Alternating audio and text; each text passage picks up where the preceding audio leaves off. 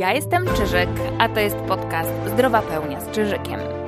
Uwaga do wszystkich, którzy kochają wolność, którzy nie godzą się już na płacz i cierpienie, którzy mają dość bycia ofiarą wszelkich obciążeń i mają w sobie odwagę oraz zuchwałość, by to zmienić.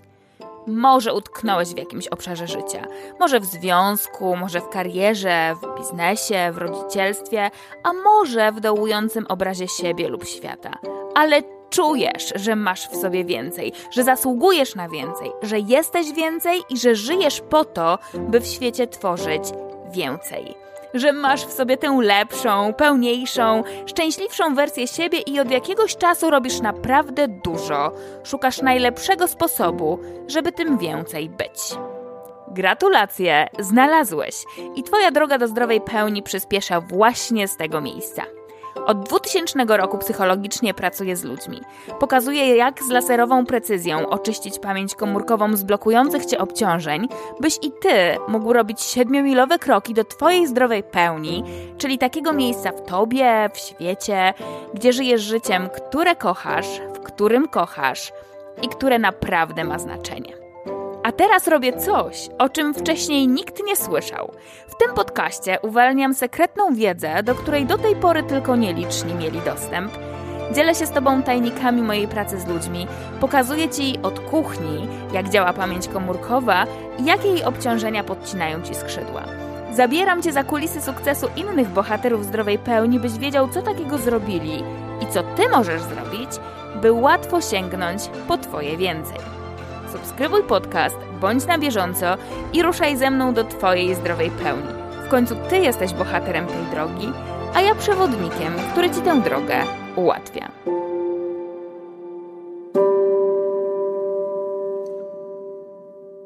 Cześć! Cieszę się, że tu jesteś, szczególnie, że dzisiaj rozmawiamy o zasobnych stanach świadomości, czasem nazywanych alternatywnymi albo szczytowymi stanami świadomości. Skupimy się na tym, czym one są, czym różnią się od doświadczeń zasobnych, jakie ludzie przez wieki wypracowali sposoby na to, żeby do tych stanów dotrzeć. Pomówimy też o tym, jak i co ty możesz zrobić, żeby te stany odzyskać oraz o tym, jak wygląda życie, kiedy żyjesz z dostępem do danego stanu. I zanim wspólnie zdecydujemy, czym zasobne stany świadomości są, określmy sobie pewne ramy, w jakich będziemy się poruszać. Bo nie wiem, czy się ze mną zgodzisz, natomiast tak jak ja na to patrzę, to trudno w obecnym świecie powiedzieć, że dla większości ludzi jakość życia jest determinowana zewnętrzem. Myślę sobie, że w dzisiejszych czasach już dawno przekroczyliśmy ten próg, po przejściu którego zewnętrzne warunki życia, nawet gdybyśmy je mocno i mocno i mocno windowali, one już nie ubogacają tej jakości życia bardziej. Dlaczego? No do pewnego czasu, no rzeczywiście mogło być tak, że jeżeli ktoś żył w obskurnej chacie i nie miał dostępu do sanitariów, no to rzeczywiście jego jakość życia, zdrowia i w ogóle codzienności różniła się diametralnie od jakości życia kogoś, kto żył czystym, no nawet niekoniecznie pałacu, ale powiedzmy nawet dworze i miał dostęp przynajmniej do przyzwoitych sanitariów. Obecnie w dzisiejszych czasach to, czy ktoś jeździ golfem czy Mercedesem, wpływa tylko i wyłącznie na kwestię statusu, w jakich siebie ludzie postrzegają, natomiast już nie wpływa na przykład na to, że kiedyś ten sam ktoś musiałby przebyć konkretną drogę 300 km na grzbiecie konia. I to doświadczenie jest zdecydowanie różne od przebycia tej drogi w zamknięciu, w komforcie, w wygodzie. Po przekroczeniu tego progu jakość życia jest najbardziej związana z wewnętrznym dobrostanem. I większość ludzi mniej lub bardziej świadomie to wyczuwa. Przykładowo, kiedy zwraca się do mnie człowiek i zwraca się wyjściowo z takim problemem, albo wręcz po prostu z całą wiązanką problemów, że o Jezu, jakiego ma strasznego szefa, o rany, co ta żona wyprawia, o jejku, jak mu źle jest w pracy, bo ci ludzie dookoła to. I jeszcze na dodatek zaplanował kupno nowego samochodu, a tu proszę, albo się nie może zdecydować, albo po przeliczeniu uznaje, że akurat taki, jaki chciał, to jednak go na niego nie stać. No same problemy dookoła. Jak mi się czasem zdarzy, bo czasem mi się zdarzy, prowokatywnie powiedzieć, no dobrze, okej, okay, rzeczywiście dramat. No straszne same problemy dookoła. Rzeczywiście masz źle. I wyobraź sobie, że gdyby przyszedł taki czarodziej i mógł zrobić wszystko i zamachnięciem czarodziejskiej różdżki zero problemów z szefem, no po prostu idealny szef. Ludzie w pracy współpracujący.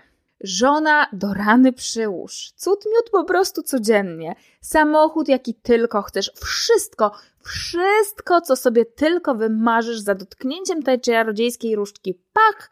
Zrobione, ale byłby tylko jeden warunek. Jeden, jedyny, malusi warunek. Ten czarodziej mógłby za każdym razem, bez zapowiedzi, wpaść i sprawdzić, co u ciebie słychać, i warunek byłby taki, że za każdym razem, kiedy on sprawdza, ty miałbyś być w naturalnej, spontanicznej radości, w szczęściu. Jeśli spełnisz ten warunek, proszę bardzo, ciach, prach, różdżką, życie będzie dokładnie takie, jak sobie wymarzysz. I większość ludzi, którzy usłyszą tak zdefiniowane warunki, ma takie. Hmm, chyba jednak nie. Trochę wysoko postawiona ta poprzeczka.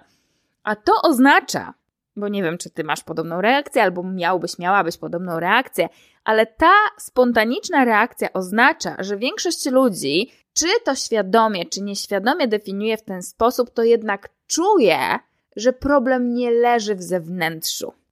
Jednak czuję, że dla tej wewnętrznej radości, dla tego wewnętrznego dobrostanu, dla tego poczucia, na bazie którego ktoś mógłby się dwoma rękoma podpisać pod tym, że owszem, żyje życiem, które kocha, w którym kocha i które naprawdę ma znaczenie i płynie przez życie w radości, dla tego poczucia absolutnie nie ma znaczenia zewnętrzne, Natomiast ten wewnętrzny dobrostan jest taką właśnie walutą, która absolutnie definiuje jakość życia. I każdy z nas oczywiście ten dobrostan może dla siebie poczuć, a nawet nazwać inaczej. Jeśli na przykład to poczucie dobrostanu będzie dotyczyć mojego umysłu i będę miała taki powiedzmy normalny lub optymalny poziom tego dobrostanu, to nazwę to spokojem. Jeśli natomiast mój umysł będzie w ekstra poziomie dobrostanu, to mogę to nawet nazwać radością. Jeśli ten dobrostan będzie dotyczyć moich emocji, to w takim normalnym, optymalnym poziomie dobrostanu nazwę to miłością. Jeśli będę miała ekstra dobrostan w kontekście właśnie emocji, mogę to nazwać szczęściem, mogę to nazwać współczuciem, mogę to nazwać miłosierdziem. Jeśli będę mieć taki normalny, optymalny poziom dobrostanu w ciele, to nazwę to zdrowiem. A ekstra poziom dobrostanu w ciele będzie już na przykład przyjemnością. Jeśli będę mieć taki normalny, optymalny dobrostan w moim poczuciu, no powiedzmy, energii czy duchowości, to nazwę to błogością. Taki super ekstra poziom dobrostanu może być już wręcz ekstazą. Jeśli natomiast ten dobrostan czy poczucie tego dobrostanu będzie dotyczyć zewnętrznych warunków lub moich osiągnięć na zewnątrz, to nazwę to sukcesem. I dążenie do tego poczucia dobrostanu jest naszą naturalną cechą. I nic dziwnego. Patrząc na to z perspektywy pamięci komórkowej, bycie, przebywanie w tym dobrostanie, zaraz sobie powiemy jakiego typu, przebywanie w tym dobrostanie należy nam się jak psu kość. Genetycznie, biologicznie i świadomościowo jesteśmy tak zbudowani, aby tego dobrostanu najzwyczajniej w świecie doświadczać. On jest wręcz charakterystyką naszego życia, przy założeniu, że żyjemy blisko zdrowej pełni. I zdecydowana większość ludzi momentów takiego dobrostanu doświadcza. Problem jednak jest związany z tym, że również większość ludzi nie potrafi w tym dobrostanie wytrwać. I teraz te poszczególne, krótkie momenty życia, gdzie człowiek czuje ten dobrostan i w związku z tym ma dostęp do zasobów albo z poziomu ciała, albo z poziomu emocji, albo z poziomu umysłu, albo z poziomu jakby poczucia energii czy duchowości do takich zasobów, które mu budują poczucie tego dobrostanu, takie krótkotrwałe momenty nazywamy doświadczeniami zasobnymi. I te krótkotrwałe momenty mogą potrwać kilka minut, kilka godzin, kilka dni. Ja pamiętam moje zdziwienie, jak parę lat temu Alex z Porozmawiajmy TV nagrywał ze mną wywiad właśnie o zasobnych stanach świadomości. I kiedy zaczęliśmy o tym mówić, że zasobny stan świadomości to jest właśnie taki dostęp do tych zasobów, do tego dobrostanu i że to jest taki długi, permanentny dostęp. I Alex powiedział, tak, tak, taki przynajmniej kilka dni. I ja byłam, ha?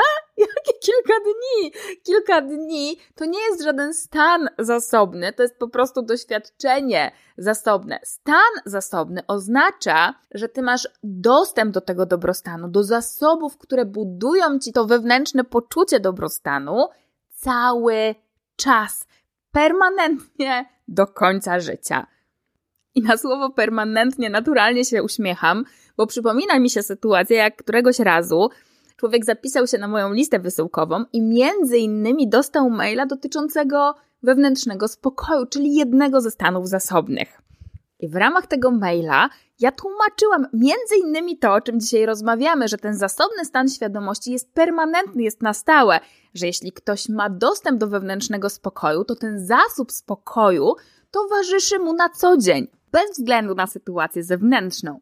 W odpowiedzi dostałam maila, że jeśli będę takie bajki wysyłać, to on się permanentnie wypisze z tej listy i znajdzie sposób, żeby mnie gdzieś zgłosić, żebym na stałe przestała takie głupoty opowiadać. I teraz, jeśli chcesz wiedzieć, bo może to być również jakiś kawałek Twojej reakcji, jeśli chcesz wiedzieć, dlaczego dla niektórych osób wydaje się być mrzonką sam fakt, że na co dzień na zawsze można mieć dostęp do lekkości, do radości, do szczęścia, do spokoju i do wielu innych zasobów, które budują wewnętrzny dobrostan, to koniecznie słuchaj do końca, bo nie tylko się dowiesz o tym, dlaczego tak się dzieje, ale również dowiesz się o tym, co w takich sytuacjach warto zrobić, żeby jednak to obejść i rzeczywiście konkretny zasób odzyskać. Ale teraz jeszcze nie wybiegajmy naprzód, zróbmy krok do tyłu i zacznijmy od początku. Czyli powiedzmy sobie, o jakich zasobach my w ogóle mówimy i w związku z tym o jakim wewnętrznym dobrostanie, kiedy mówimy o zasobnych stanach świadomości. I tutaj one rzeczywiście mogą dotyczyć różnych obszarów nas.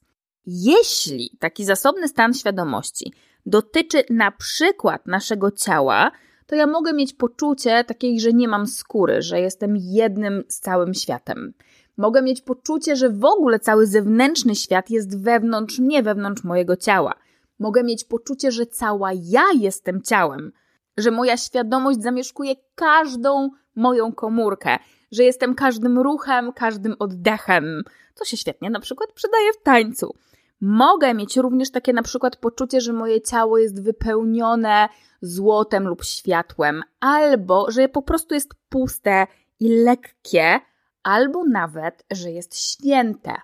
Każdy z tych zasobów będzie wchodził w skład innego zasobnego stanu świadomości i będzie nam dawał trochę inne poczucie wewnętrznego dobrostanu.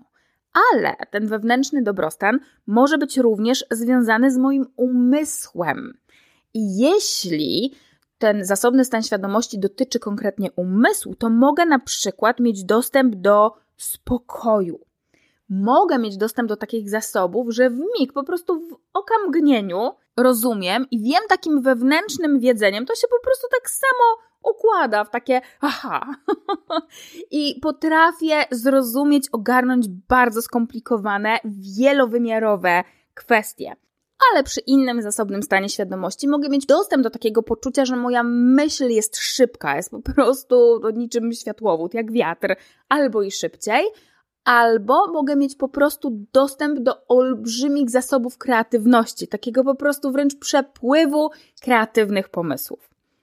Jeśli natomiast ten dobrostan i te zasoby dotyczą na przykład emocji, to ja mogę być w stanie, gdzie czuję permanentną miłość, gdzie wręcz jestem miłością, albo wręcz odczuwam takie podskórne wewnętrzne szczęście lub całkowitą radość, albo też mam cały czas dostęp do poczucia wdzięczności.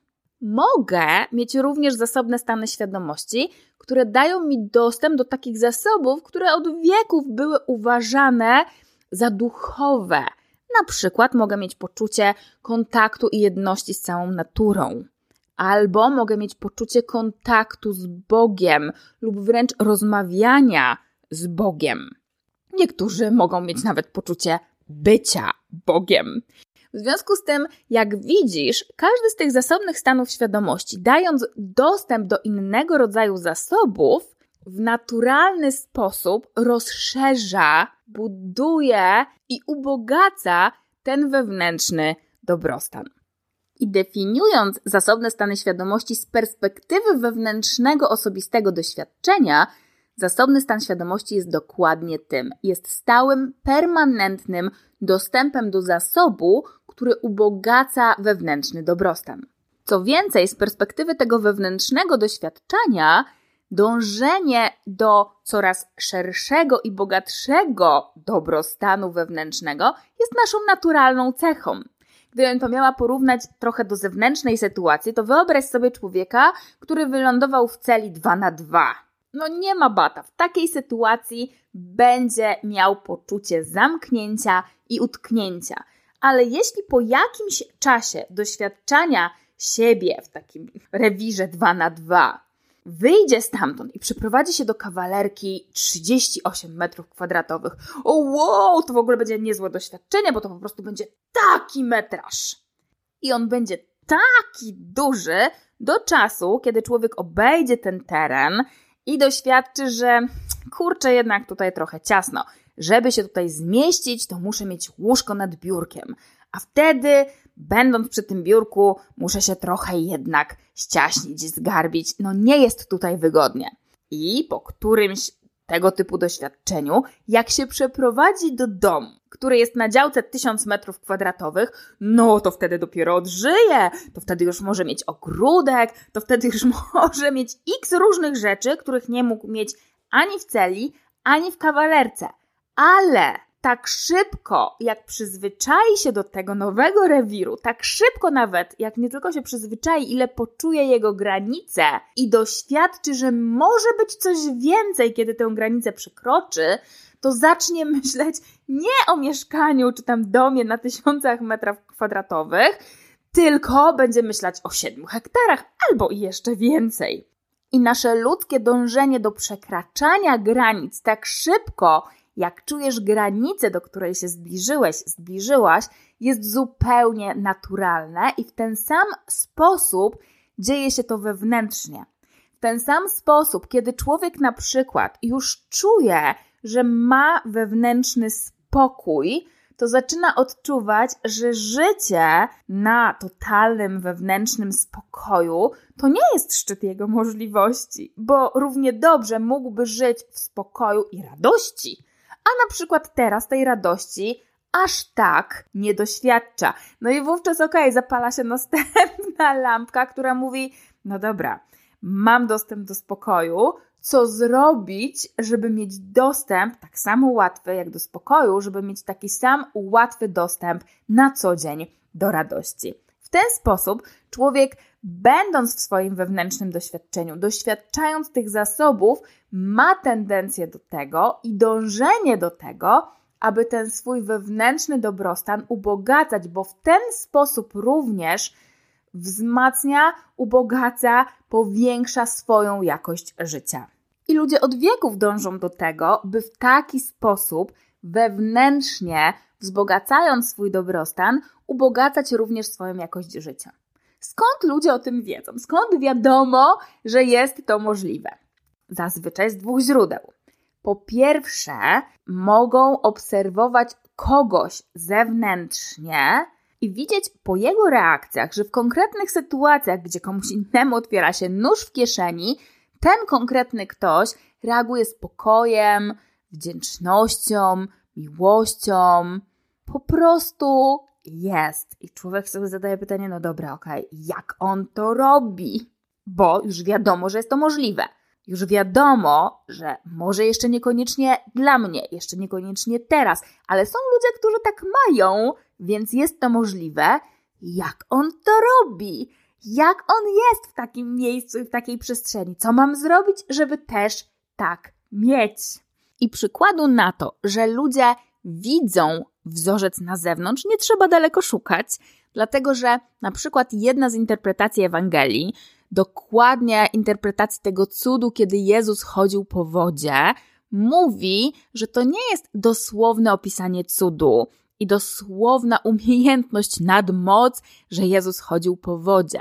To alegoryczne przedstawienie i interpretacja tej sytuacji z poziomu alegorii mówi o tym, że w obszarze kulturowym, w którym Jezus był, poruszał się, żył, woda oznaczała umysł. W związku z tym apostołowie, którzy płynęli łódką po wzburzonych falach jeziora, tak naprawdę oznaczali uczniów, których umysły były niespokojne, pełne wzburzonych myśli. Natomiast Jezus, który chodził po wodzie i który tę wodę uspokoił, był symbolem kogoś, kto miał wewnętrzny spokój, co więcej, symbolem kogoś, kto poprzez swój wewnętrzny spokój potrafił uspokoić umysły innych.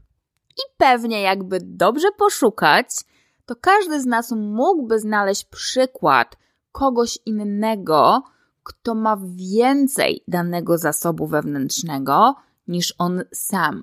Jeśli nie zna takiej osoby, nie wiem, to nie jest jego sąsiad przykładowo, to zawsze może przykład takich osób znaleźć w niejednej tak zwanej uświęconej literaturze. Ale jest też drugie źródło, dla wielu ludzi dużo bardziej wiarygodne, na bazie którego ludzie od wieków wiedzą, że jest to możliwe, że te zasoby są na wyciągnięcie ręki, że można w ten sposób w dobrostanie doświadczać życia. Jaki to sposób? Swój, indywidualny, wewnętrzny, osobisty. Czyli wiele osób przeżywa niezasobne stany świadomości, ile pojedyncze doświadczenia zasobne, na bazie których przez jakiś krótki okres w życiu ma dostęp do danego zasobu i poczucia głębszego, szerszego dobrostanu. Moje pierwsze doświadczenie zasobne, które pamiętam, dotyczyło mnie jako może cztero, a może pięciolatki. No na pewno byłam bardzo, bardzo mała. I to jest takie wspomnienie, kiedy jestem na spacerze z tatą i chyba z moją ciocią, chociaż tego na 100% nie jestem pewna. Natomiast tatę pamiętam dobrze i stoję przed taką wielką górą, no skałą po prostu. I kiedy ja taka mała patrzę w górę i nie widzę końca tej skały. Dzisiaj wiem, że ona się kończy, bo kiedy dzisiaj stanę koło niej, to widzę dokładnie, gdzie ona się kończy. Ale wtedy, w mojej pamięci, to doświadczenie wygląda tak, że ja stoję przed czymś i mam takie poczucie, że to jest nieskończone, że jest stałe, że jest mocne, silne i nieskończone. I w tym momencie, kiedy to czuję, mam jednocześnie poczucie i takie po prostu wewnętrzne zrozumienie i wiedzenie, że jest coś więcej. Ja na wtedy nie umiałam tego nazwać Bogiem, ale wiedziałam, że jest jakaś siła, jest jakieś coś, co jest nieskończone, co jest stałe, co jest większe ode mnie, ale jednocześnie opiekujące, jednocześnie patrzące na mnie i bardzo mi przyjazne. I w takim oniemieniu stoję przed tą skałą. I potem to, co pamiętam, to to, że mój tata w końcu się wkurzył, ile to zajmuje, wziął mnie za rękę i zaczął ciągnąć w drugim kierunku, bo przecież trzeba było wracać. I ja pamiętam, że im bardziej od tej skały odchodziłam, im bardziej ona stawała się w moich oczach daleka i mniejsza, tym bardziej to poczucie czegoś wielkiego, nieskończonego, tego właśnie opiekującego się mną czegoś, coraz bardziej blakło w moim wnętrzu, aczkolwiek mimo tego, że byłam wtedy taka mała, to poczucie, że jest coś więcej, pamiętam bardzo dobrze. I właśnie z takich wewnętrznych, osobistych doświadczeń ludzie czerpią pewność. Nie tylko założenie czy przypuszczenie, że ten ktoś zewnętrznie tak ma, więc jest to możliwe, ale wręcz wewnętrzną pewność, że to jest możliwe, bo kiedy jest to Twoim wewnętrznym doświadczeniem, nawet krótkotrwałym, to wiesz, że to jest możliwe. I o ile dla wielu osób rozczarowujące jest to, że te doświadczenia zasobne się kończą albo wręcz tak krótko trwają, o tyle nie sposób nie docenić ich wagi.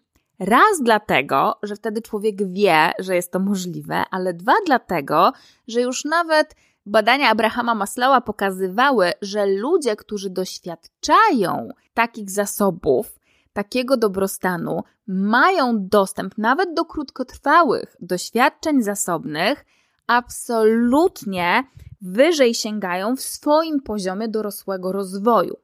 Dużo bliższe nam badania, bo pochodzące z 2012 roku, pokazują, że ludzie, którzy miewali wcześniej dostęp do doświadczeń zasobnych, podejmując decyzje, podejmują je bardziej etycznie i z większą wrażliwością i empatią w stosunku do ludzi, których te decyzje będą dotyczyć.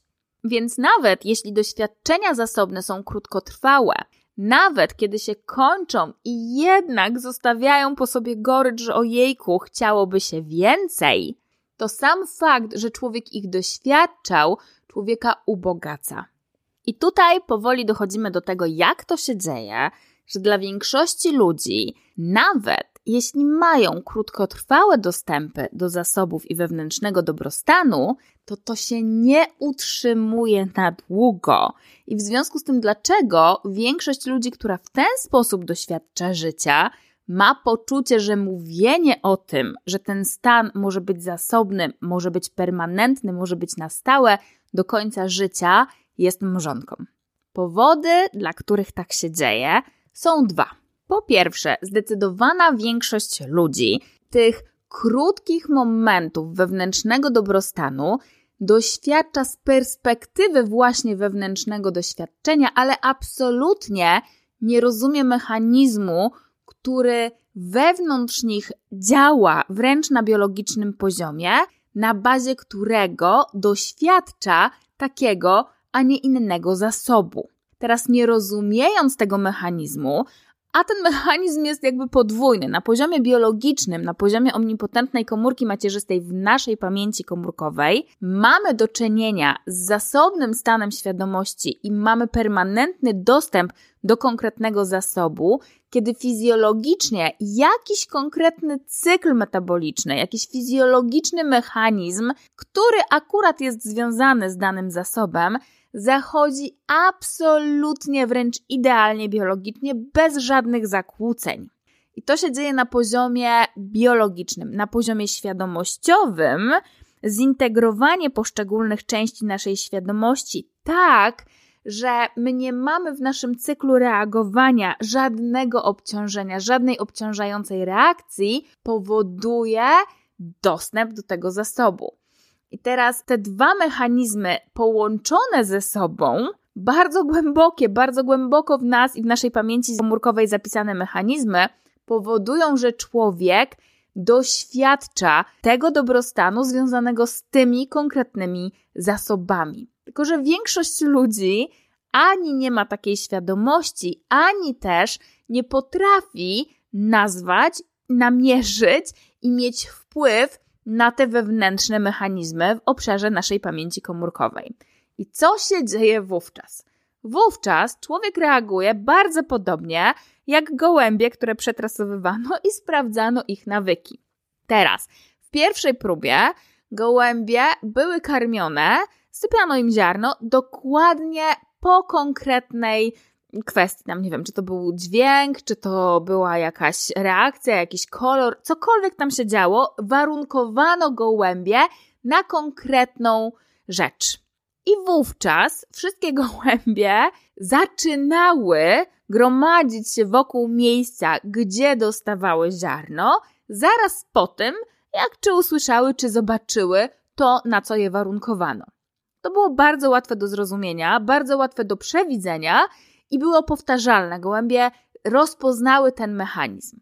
Ale kiedy zmieniono warunki i kiedy rzucano ziarno zupełnie przypadkowo. Także gołębie nie były w stanie znaleźć mechanizmu. To okazało się, że po kilku tego typu próbach te gołębie się auto-uwarunkowały.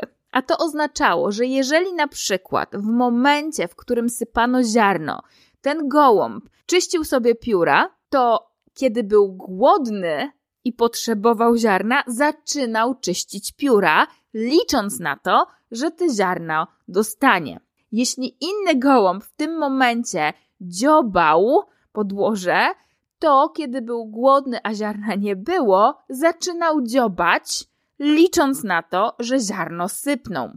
W związku z tym, gołębie, nie rozumiejąc mechanizmu, nie potrafiąc go przewidzieć, zaczynały szukać, co takiego robiły, co się zewnętrznie działo, koło czego stały, jak się zachowywały, czy były w towarzystwie innego gołębia, czy były same. I zaczynały szukać w ten sposób, co takiego było w tym zewnętrzu, że te ziarno się pojawiło. Dokładnie w ten sam sposób reaguje większość ludzi, kiedy zaczyna doświadczać krótkotrwale konkretnych zasobów, które rozbudowują ich wewnętrzne poczucie dobrostanu. Jak to się dzieje? Przykładowo, jeśli on i ona się kochają i w trakcie tej miłości on czuje, że kocha się z boginią, miłość jego całego przepełnia i ma wręcz takie poczucie, że jest dużo szerszy niż swoje ciało. Ogarnia niemal połowę wszechświata. Jest taki napełniony miłością i szczęściem i spokojem. Z taką miłością patrzy jej w oczy i nigdy wcześniej tego nie czuł. I ma te wielkie wow. I nigdy wcześniej tego nie czuł. W związku z tym, jakie jest rozwiązanie tej zagadki? No to pewnie albo chodzi o nią, albo chodzi o konkretną pozycję, którą wykorzystali kochając się, albo w ogóle chodzi o seks, albo chodzi o konkretne miejsce, w którym się kochali, bo na przykład wcześniej w tym miejscu się nie kochali, albo chodzi o cokolwiek innego i teraz trzeba przetestować te wszystkie rzeczy. Czyli jeśli raz w ten sposób poczuł i potem kolejny raz się z nią kocha i już nie przeżywa tego samego doświadczenia związanego z tym wow, co wcześniej, no to ma rozwiązanie, że to jednak nie chodzi o nią. To może chodzi jednak o pozycję. Jak sprawdzi i okazuje się, że nie, kolejny raz kochanie się w tej samej pozycji nie doprowadza do tego samego rozwiązania i do tego samego rezultatu, no to pytanie, co jeszcze tam było? Może jednak to miejsce, a może jednak cokolwiek innego, może ta muzyka, która była w tle. W ten sposób ludzie, którzy nie rozumieją wewnętrznego mechanizmu zasobnych stanów świadomości, zaczynają szukać i dążyć do powtórzenia doświadczeń. I jak już wcześniej wspomniałam o Maslowie, to on też zauważył, badając ludzi, którzy mieli dostęp do doświadczeń zasobnych, zauważył, że część z nich doświadczało tych konkretnych momentów uniesień, na przykład w kontakcie z naturą, inni ich doświadczali w sporcie, jeszcze innym towarzyszyły te momenty uniesień czy wewnętrznego dobrostanu przy okazji doświadczeń religijnych, u jeszcze innych one dotyczyły kontaktu ze sztuką lub kontaktu z innym człowiekiem, szczególnie w momentach zakochania. Sam Maslow, nie rozumiejąc wewnętrznego mechanizmu, który się dzieje na poziomie naszej pamięci komórkowej, też zaczynał szukać, że to są obszary, te dokładnie doświadczenia ludzi są takimi obszarami, gdzie te doświadczenia w ogóle są możliwe. Niestety, z takim poszukiwaniem i z taką drogą do powtarzania doświadczeń wiąże się jeden bardzo poważny problem. Trochę jak w tej opowiastce o byku i bażancie,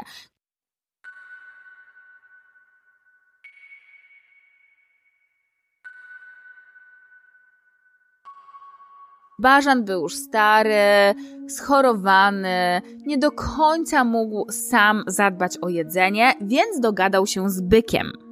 I byk mu powiedział: Nie ma sprawy, możemy sobie pomóc nawzajem. Widzisz, bardzo często gryzą mnie jakieś kleszcze, jakieś komary, jakieś robactwo po prostu tutaj na mnie siada, jakieś muchy składają na mnie jajka. No, żyć się nie da. I nie do wszystkich miejsc dosięgam, ale możesz mi pomóc i jak będziesz blisko mnie, jak poczuję, że mnie coś ugryzie, albo jak ty zobaczysz, że coś na mnie jest, to po prostu możesz sobie ze mnie zjadać. Ja będę miał łatwiej, ty będziesz miał łatwiej. Naprawdę możemy się dogadać. I ta ich współpraca przez długi czas układała się w ten sposób. Bażantowi było dobrze, bykowi było dobrze, aż w pewnym momencie, jak Bażant już tak poczuł, że ma w byku przyjaciela, zaczął mu się żalić i mówi: Widzisz to duże, to wielkie, wielkie drzewo tam na końcu pastwiska? Byk spojrzał i powiedział: No, widzę. No właśnie, bo jak ja byłem młody, jak mi tak łatwo było fruwać, to mogłem podfrunąć na pierwszą gałąź, na drugą gałąź. Nawet zdarzały się takie dni, że mogłem pofrunąć na sam szczyt tego drzewa i wówczas się czułem jak pan całej okolicy. To było niesamowite doświadczenie, ale teraz, teraz już nie jestem taki sprawny. Teraz nie jestem w stanie podfrunąć nawet na pierwszą, najniższą gałąź. I zapłakał rzewnie. Bykowi zrobiło się żal bażanta, bo już zdążyli się zaprzyjaźnić i powiedział: No to ja ci zdradzę sekret. Wystarczy, że przez cztery dni będziesz zjadał nie tylko ze mnie, ale też to, co robię pod siebie. I obiecuję, że po czterech dniach będziesz mógł pofrunąć na sam szczyt tego drzewa. O, Bażant się obruszył. Po prostu potrząsnął piórami i powiedział, co ty mnie masz za gówno, żerce? Ale byk nie dawał za wygraną i na różne sposoby przekonywał Bażanta. Pokazał mu, że ludzie wykorzystują jego odchody do tego, żeby nawozić ziemię i jak to potem rośliny po tym rosną. Opowiadał mu, że są całe kraje, gdzie się z jego odchodów buduje domy. W opowieści byka cała ludzka cywilizacja głównym stoi. I w końcu Bażant pomyślał, że w sumie nie ma nic do stracenia. Więc tak trochę niepewnie, trochę ukradkiem, żeby nikt nie widział, któregoś razu zleciał z grzbietu byka, no i zaczął zjadać, co byk pod siebie zrobił. I na początku czuł się z tym paskudnie, ale jak po kilku godzinach poczuł siłę w skrzydłach i sprawdził, że może wzlecieć na pierwszą, najniższą gałąź drzewa, był przekonany drugiego dnia, trzeciego dnia, nawet czwartego dnia zjadał, aż mu się skrzydła trzęsły. I po południu czwartego dnia w końcu doczekał się swojej nagrody. Rozpostarł skrzydła, zebrał w sobie siły, wzleciał coraz wyżej i wyżej i wyżej i wyżej i tak dotarł na sam szczyt drzewa. I z tego miejsca rozejrzał się po okolicy i poczuł się jak król całego pastwiska, a nawet jak król łąk, które się rozciągały poza pastwiskiem. I czując w sobie tę niesamowitą siłę, zaczął krzyczeć i śpiewać na całe gardło. Szczęśliwy. Usłyszał to farmer. Po tym śpiewie czy krzyku bardzo łatwo zlokalizował bażanta. Spojrzał na szczyt drzewa i pomyślał sobie, no to będzie cudna kolacja. Wziął strzelbę, wymierzył, bażanta powalił, zebrał go spod drzewa, zaniósł do kuchni żonie, aby zrobiła z niego kolację. Jaki jest morał tej opowieści? Ano taki, że czasem nawet największe gówno możecie zaprowadzić na szczyt doświadczenia, ale żadne gówno na tym szczycie nie pozwoli ci się utrzymać.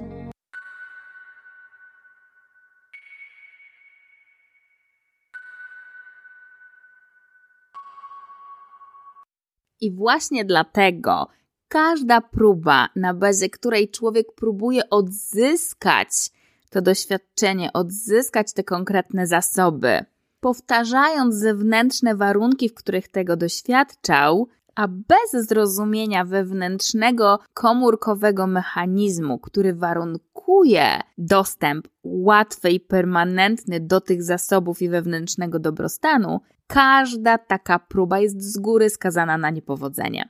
I ludzie, nie mając zielonego pojęcia, co robią, nie mając żadnych wskazówek, trochę jak te biedne gołębie zaczynają testować, zaczynają sięgać i odtwarzać zewnętrzne warunki, a im więcej takich niepowodzeń zaliczą po drodze, tym bardziej zaczynają wierzyć, że nie jest możliwe permanentne doświadczanie stanu zasobnego, że tylko i wyłącznie są w stanie od czasu do czasu i tylko w określonych warunkach, bardzo trudnych do spełnienia i bardzo często niezrozumiałych, są w stanie doświadczyć na krótko tego dobrodziejstwa.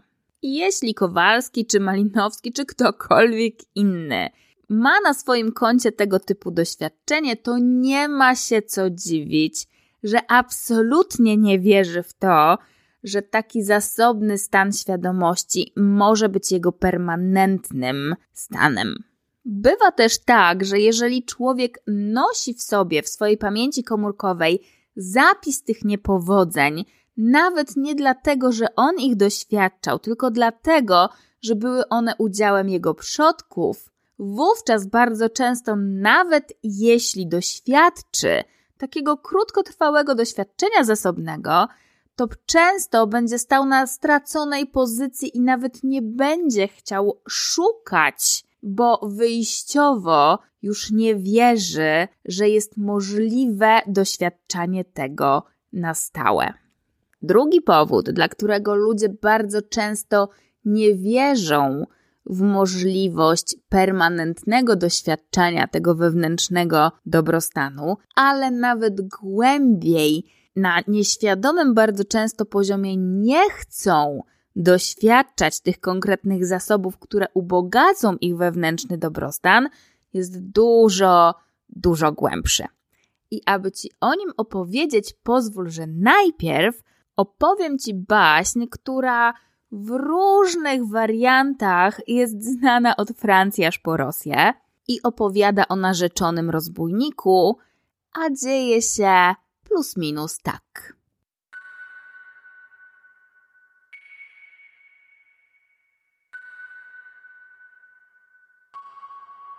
Dawno, dawno temu żyła rodzina, której czasy świetności sięgały wielu lat wstecz.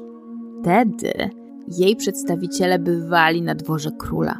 Zarządzali ogromnymi majątkami i mieli wpływ na losy całego państwa ale później zdarzyło się coś strasznego, na bazie czego cała rodzina utraciła przychylność króla i została wygnana ze swoich ziem. Wiele lat później nikt już nie pamiętał, czego dokładnie dotyczyło to haniebne przewinienie, przez które król wypędził całość tej rodziny, ale kolejne pokolenia, które rodziły się w tej rodzinie, żyły wspomnieniami świetności swoich przodków a bywało też często, że synów tej rodziny nie raz, nie dwa przyłapywano na rozmarzonym wzroku, mrzonkach o szlacheckim, arystokratycznym pochodzeniu i marzeniach o odzyskaniu swojej należnej im pozycji. Wiele lat później zdarzyło się, że jeden z przedstawicieli tej rodziny dorobił się własnego młyna i wiodło mu się całkiem dobrze. Co więcej, oprócz kochającej żony, oprócz przedsiębiorstwa, które dobrze się układało, miał piękną córkę i to właśnie w niej upatrywał sposobu na to, aby powrócić do zasłużonej dla siebie pozycji. Pomyślał sobie, że jeśli pojawi się jakiś porządny zalotnik, bogaty zalotnik, o wysokiej pozycji i będzie się starał o jego córkę, to mu ją odda. I był święcie przekonany, że taki zalotnik się pojawi, bo jego córka w całej okolicy uchodziła za największą piękność.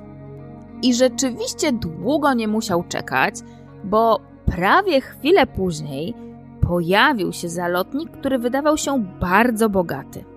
Co więcej, kiedy młynarz zapytał, skąd zalotnik pochodzi, okazało się, że ma on pod sobą ziemię, które kiedyś dawno, dawno, dawno temu należały do rodziny młynarza.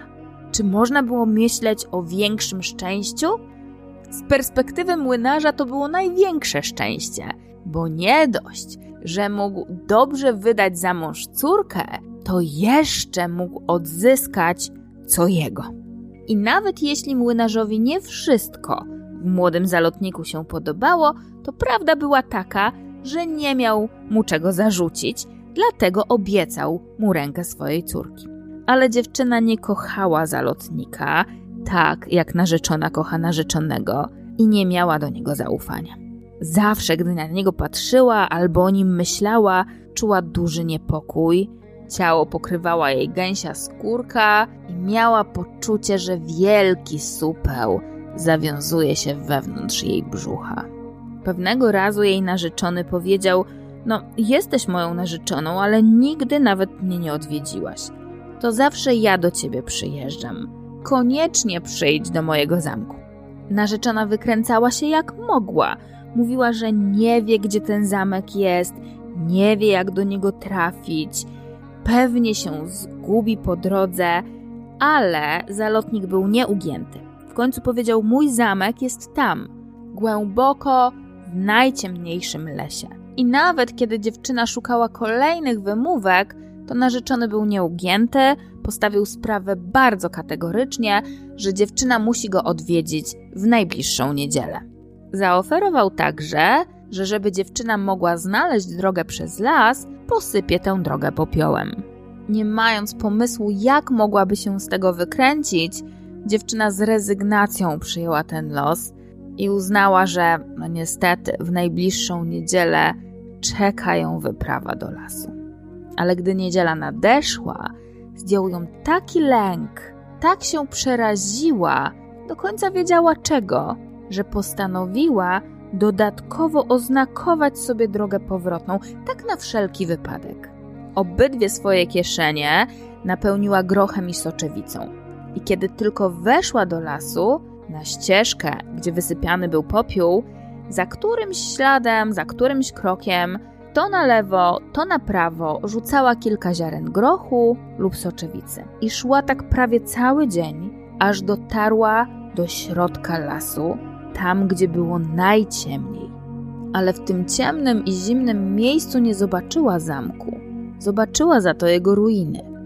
To, co stało na ruinach zamku, przypominało raczej duży dom, który od razu zdjął ją dodatkowym niepokojem. Wcale jej się nie podobał. Był mroczny i tak jakoś niesamowicie wyglądał. Ale chcąc, nie chcąc, kiedy przeszła już taką drogę, weszła do środka i nikogo tam nie znalazła. Panowała tam absolutnie głucha cisza.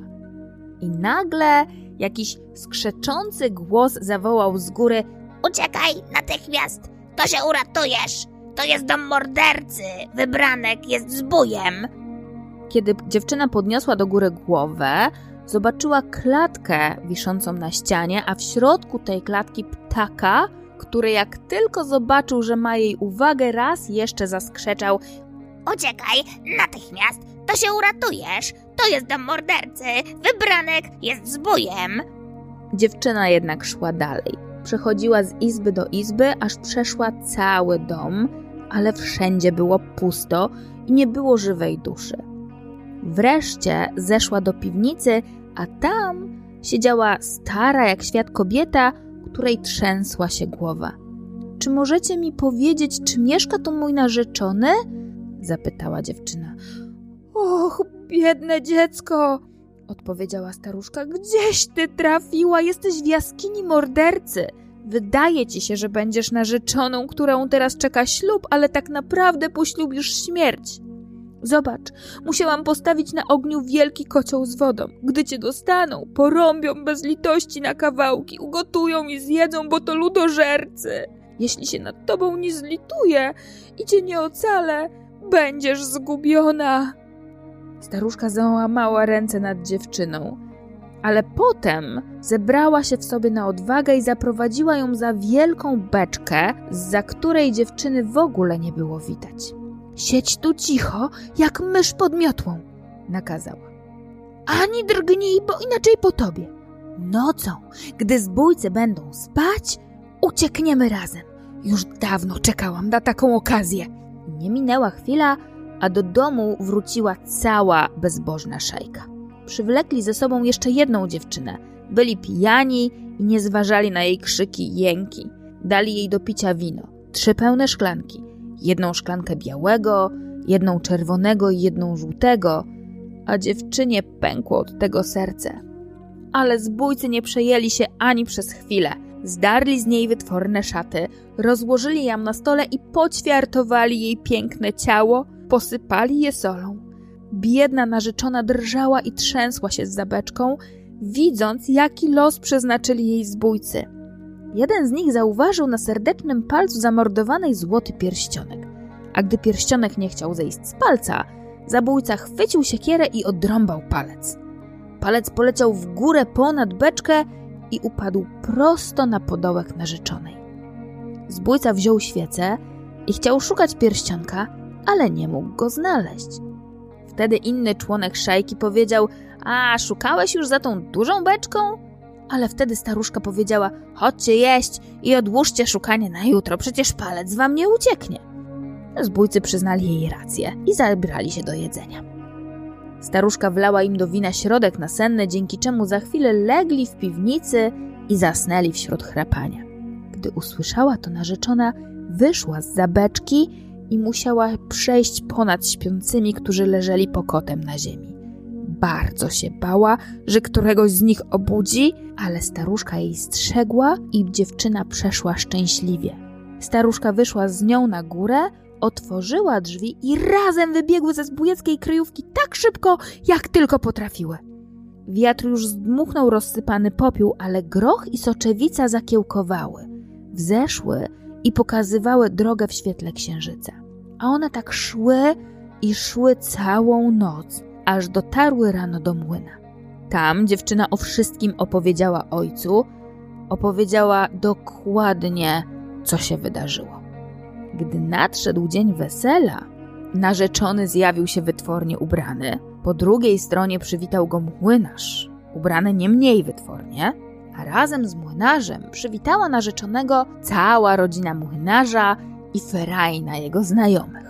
Gdy po ślubowaniu wszyscy zasiedli do stołu, każdy z nich, każdy z zaproszonych gości zaczął po kolei opowiadać historię. Jednak młoda żona siedziała cicho i nic nie mówiła. W końcu narzeczony zwrócił się do niej: A ty, moje serce, niczego nie wiesz? Ty też powinnaś nam o czymś opowiedzieć. W takim razie, odpowiedziała dziewczyna, ja opowiem mój sen. W tym śnie szłam sama przez las i dotarłam wreszcie do jakiegoś domu, w którym nie było żywej duszy, ale na ścianie wisiał ptaszek w klatce, który wołał: Uciekaj natychmiast, to się uratujesz. To jest dom mordercy, wybranek jest zbójem. Młoda żona zerknęła na męża, a widząc, jak krew odpływa mu z twarzy, zapewniła tylko potulnie: Skarbie, to mi się tylko śniło. Więc przeszłam przez wszystkie izby, które były puste, a było tam tak strasznie. Zeszłam wreszcie do piwnicy, siedziała tam taka stara jak świat kobieta, która trzęsła głową. Zapytałam ją, czy mu narzeczony mieszka w tym domu, a ona odpowiedziała: Och, biedne dziecko, trafiłaś do jaskini mordercy. Twój narzeczony mieszka tutaj, ale porąbie cię i zabija, a potem ugotuje i zje. I znowu zerkając na swojego męża, łagodnie dodała: Skarbie, to mi się tylko śniło. A potem, wiesz co było potem? Potem ta stara kobieta schowała mnie za wielką beczką. A gdy tylko tam się ukryłam, do domu wrócili zbójcy, którzy przywlekli ze sobą dziewczynę. Dali jej do picia trzy rodzaje wina: białe, czerwone i żółte, a od tego pękło jej serce. Młody małżonek zaczął się trząść. Dziewczyna to zauważyła i tylko potulnie, uspokajająco dodała: Skarbie, to mi się tylko śniło. Potem, wiesz, potem zbójcy zdjęli z niej wytworne szaty, poćwiartowali piękne ciało na stole, posypali je solą, ale wiesz, skarbie, to mi się tylko śniło. A jeden ze zbójców zobaczył, że na jej serdecznym palcu znajduje się pierścionek i nie mógł go zdjąć, więc chwycił siekierę, odrąbał ten palec, palec wyskoczył do góry, poleciał za wielką beczkę i spadł na mój podołek. I wiesz co? Oto jest palec wraz z pierścionkiem.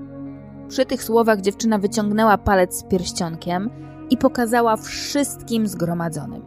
Zbójca, który w tym czasie opowiadania pobladł jak kreda, to robił się biały, to czerwony, to znów zielony, skoczył na równe nogi i chciał uciekać, ale goście pochwycili go i odprowadzili do sądu. Tam zbój i cała jego banda zostali straceni za swoje haniebne czyny. Dziewczyna stała się panią na włościach i cała jej rodzina odzyskała swoje dawne ziemie.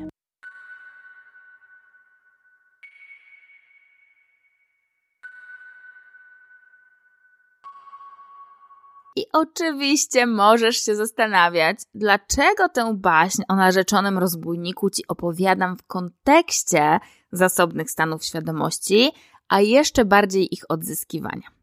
Jaki kawałek naszej zbiorowej świadomości dotyczący odzyskania zasobnych stanów świadomości został w tej baśni ukryty i pod czym dokładnie się ukrywa?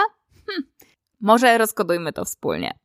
Jak się może domyślasz, i ziemię, i zamek, i pozycja tej rodziny, do której potem po latach należy młynarz i jego córka, symbolizują konkretny, zasobny stan świadomości. I istotne w tym przekazie jest to, że ten stan został utracony, że każde następne pokolenie już wręcz nawet nie pamięta, do jakiego to haniebnego momentu doszło i na bazie czego rodzina straciła przychylność króla, wiedzą tylko, że kiedyś było tak cudnie i pięknie i że to stracili i czują, że ta pozycja jednak im się należy, ale przez wiele, wiele lat odzyskanie jej jest mrzonką. Istotne jest to, że tak, nasze zasobne stany świadomości najzwyczajniej w świecie nam się należą, bo wynikają po prostu z naszej biologii.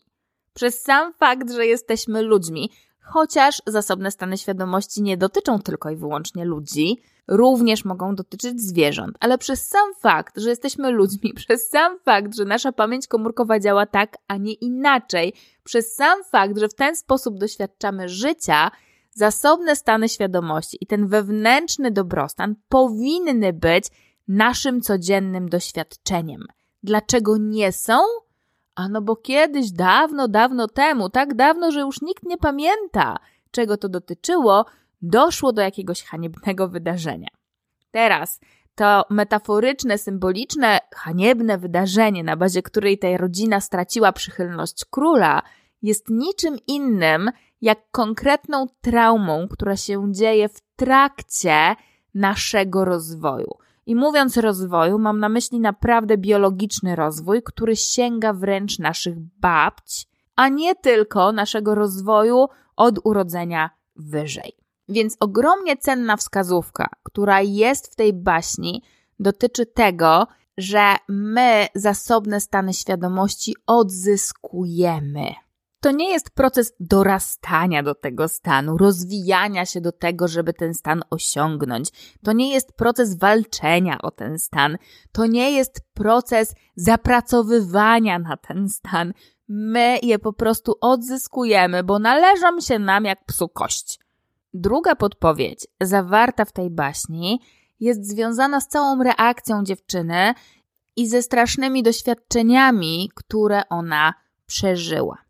Bo z jednej strony, aby odzyskać ten zasobny stan świadomości, patrz w tym przypadku ziemię i pozycję, potrzebowała wejść do tego lasu i wrócić tam, gdzie kiedyś był zamek. Ale jej na samą myśl o tej drodze robi się niedobrze, ona się boi, czuje niepokój, robi wszystko i szuka różnych wymówek, aby w tę drogę nie ruszyć. Dlaczego? Właśnie dlatego, że ona w trzewiach czuje, że tam jest coś nie tak. Ona czuje, jakiej traumy tam doświadczy i robi wszystko, żeby tego nie doświadczać. I w sumie nie ma się co dziwić, bo kiedy dochodzi na miejsce, no to rzeczywiście przeżywa terror. I kiedy przełożyć tę baśniową podpowiedź na sytuację naszej pamięci komórkowej i tego, jak biologicznie działają nasze zasobne stany świadomości, to okazuje się, że w trakcie naszego biologicznego rozwoju przechodzimy przez bardzo specyficzne momenty rozwojowe. I teraz takie kluczowe momenty rozwojowe mają w sobie zapis powiększania, poszerzania naszej świadomości i niosą w sobie potencjał tych konkretnych zasobów. Ale jeśli ten moment rozwojowy przeszliśmy traumatycznie, to korzystanie na co dzień z tego konkretnego zasobu, czy z miłości, czy ze szczęścia, czy z wdzięczności, czy ze spokoju, czy z błogości, czy z kreatywności, czy z poczucia kontaktu z naturą lub z Bogiem, czy z jakiegokolwiek innego wewnętrznego zasobu, który powiększa nasz wewnętrzny dobrostan, tak naprawdę jest traumatycznym doświadczeniem, bo korzystanie z tego potencjału wiąże się automatycznie z odpamiętaniem tej starej traumy. I kiedy myślisz sobie o tej dziewczynie i o tej baśni i o jej podróży przez ciemny las, to myślisz sobie, okej, okay, no jasne, no trochę się niepokoiła, okej, okay, trochę potem musiała posiedzieć za tą beczką, rzeczywiście nie było tam przyjemnie, no ale przecież wyszła z tego cało, więc nie było się czym przejmować. Pozwól, że ci przybliżę i opowiem, o czym mówi ta baśń w takich realiach nam bliższych i może bardziej znanych. O tym pierwszym, pierwszym doświadczeniu zasobnym, które pamiętam, kiedy tam miałam może 4, może 5 lat, już Ci opowiadałam. Potem przez moje życie od czasu do czasu włączały się różnego rodzaju krótsze lub dłuższe sytuacje, w których czułam dostęp do różnych zasobów. Zazwyczaj włączały się one wtedy, kiedy byłam bardzo w lesie, bardzo z naturą. Zazwyczaj byłam sama. Ja, las, wiatr, albo ja, jezioro. I w takim kontakcie z naturą mniej lub bardziej doświadczałam bardzo krótkich, epizodycznych, ale jednak zasobnych doświadczeń. I kojarzyłam te momenty bardzo przyjemnie. Ale kiedy byłam na studiach, czyli lata temu, kiedy byłam na studiach, jechałam autobusem do Szklarskiej Poręby. Nie do końca pamiętam, jaki to był miesiąc, ale generalnie było ślisko, było dużo lodu i śniegu, więc to była albo zima, albo wczesna wiosna, może ewentualnie bardzo późna jesień. No i jadę tym autobusem, szczególnie, że na wtedy nie tylko, że nie miałam auta, ale też nie miałam jeszcze prawo jazdy, więc jadę tym autobusem i siedzę albo pierwsza, albo jakoś druga za kierowcą. Tak, że dość dobrze widzę drogę. I na tej oblodzonej drodze z góry prosto na nas jedzie ciężarówka. Po prawej stronie skała, no nie ma gdzie zjechać. Po lewej stronie Przepaść to za duże słowo, ale po lewej stronie urwisko i na dole strumień. No więc jedziemy wąską, krętą, oblodzoną drogą. Na nas jedzie ciężarówka. I ja wiem, wiem po prostu, że za chwilę umrę. Nie ma innej możliwości. To coś jest wielkie, dużo cięższe, my nie mamy gdzie jak zjechać. Mam to po prostu przed oczami centralnie. Więc w jednej chwili, będąc pewna, że za moment umrę, Czuję, jak mi się smaży mózg. Czuję takie gorąco w głowie, takie nieprzyjemne. Nigdy wcześniej takiego nie doświadczyłam. W tym samym czasie czuję po prostu lodowato zmarznięcie wszystkich części innych mojego ciała, tak że nie jestem w stanie się ruszyć. I w takim zmrożeniu, z gotującą się głową, no po prostu nie zostaje mi nic innego, jak przyszykować się na to, że za moment umrę. Choć szczerze, trudno się na to przygotować, licząc się z faktem, że to po prostu zostały mi sekundy. I jak się pewnie domyślasz, przez sam fakt, że dzisiaj z Tobą rozmawiam i Ci o tym opowiadam, jak się pewnie domyślasz, nic złego się nie stało. Tak naprawdę całość tego wydarzenia fizycznie skończyła się jakimiś banalnymi zarysowaniami na tym autobusie i ciężarówce. Naprawdę nic wielkiego. Ale nie to było istotne. Istotne było moje doświadczenie tej traumy i moje przeżywanie tego, że za moment umrę.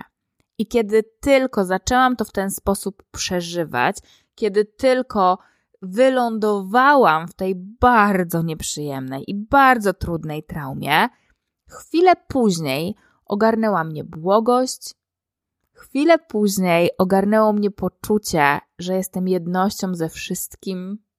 Chwilę później byłam święcie przekonana, że nie ma znaczenia, co się ze mną stanie, jaki będzie scenariusz tego wydarzenia, że jestem częścią czegoś absolutnie większego i to, czy dojdzie do tego wypadku, czy nie dojdzie, w ogóle nie ma na to wpływu. Byłam w błogości, byłam w spokoju, byłam w poczuciu jedności, harmonii i miłości ze wszystkim. Byłam w jednym z piękniejszych wydarzeń i z piękniejszych doświadczeń, które mi się do tamtej pory w życiu zdarzyły. Zgodnie z tym, o czym sobie dzisiaj tutaj opowiadamy, absolutnie byłam w trakcie doświadczenia zasobnego, co więcej, dla mnie bardzo silnego i bardzo pięknego.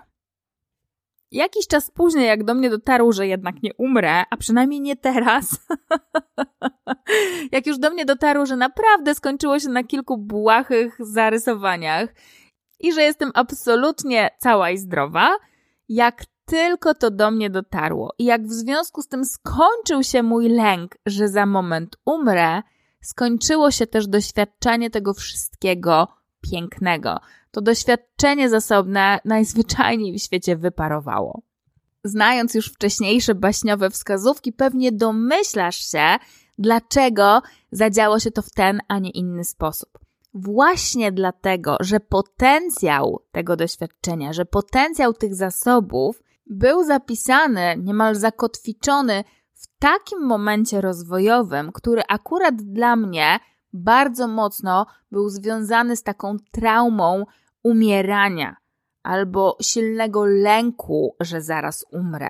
Dlatego właśnie sytuacja, która mnie z tą traumą skonfrontowała, kiedy ja w tę traumę weszłam, automatycznie ta sytuacja również otworzyła mi dostęp do tych zasobów, które były związane z wydarzeniem, w którym również ta trauma była mocno obecna. Dla pełnej jasności, ja na wtedy absolutnie nie wiedziałam, jakie to doświadczenie było. Ja nie doświadczałam tego pierwszego momentu rozwojowego, w którym ta trauma była obecna. Ja doświadczałam wtedy tylko i wyłącznie tej traumy, a zaraz po niej zaczęłam doświadczać te piękne zasoby, które we mnie spowodowały to doświadczenie takiego dobrobytu i dobrostanu wewnętrznego. I podziało się to tak zwanym przypadkiem. Gdybym jednak, rozumiejąc ten mechanizm, chciała w życiu odwzorować i jeszcze raz, i jeszcze raz, i kolejny raz doświadczać tego zasobu, takiego zasobnego doświadczenia, to dla mnie wiązałoby się to również z przeżywaniem tego umierania i tego lęku, że zaraz umrę.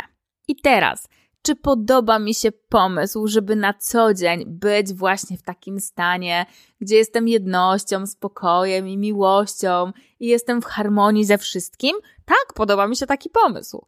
Ale czy podoba mi się pomysł, że w tym samym czasie codziennie będę przeżywać ten terror umierania? Absolutnie mi się nie podoba. No, musiałabym być szalona.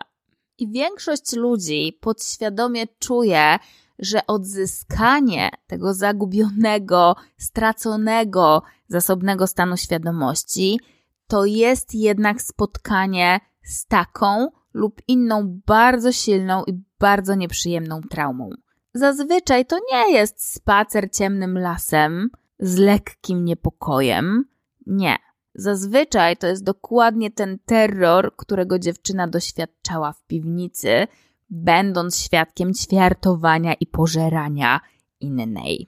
I tak samo jak ona czuła niepokój na samą myśl o tej drodze, na sam pomysł, aby do tego zamku w ciemnym lesie podążyć, tak samo zdecydowana większość ludzi czuje niepokój, czuje lęk i czuje silny wewnętrzny opór przed tym, aby w tę drogę do odzyskania konkretnego zasobnego stanu świadomości wyruszyć, bo naprawdę czasem trzeba być szalonym, aby się z taką traumą i z takim terrorem spotkać i jeszcze, żeby to zrobić na własne życzenie.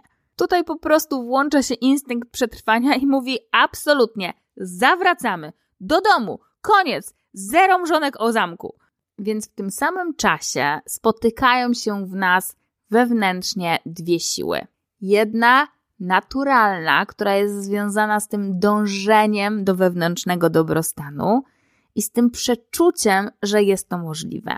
Druga związana z lękiem i z oporem, aby w tę wędrówkę pójść i z racjonalizowaniem, że jednak nie jest to tak możliwe, jak mi się wydaje, albo że gra nie jest warta świeczki, bo doświadczę kawałka na moment, na chwilkę, a wycierpię co niemiara.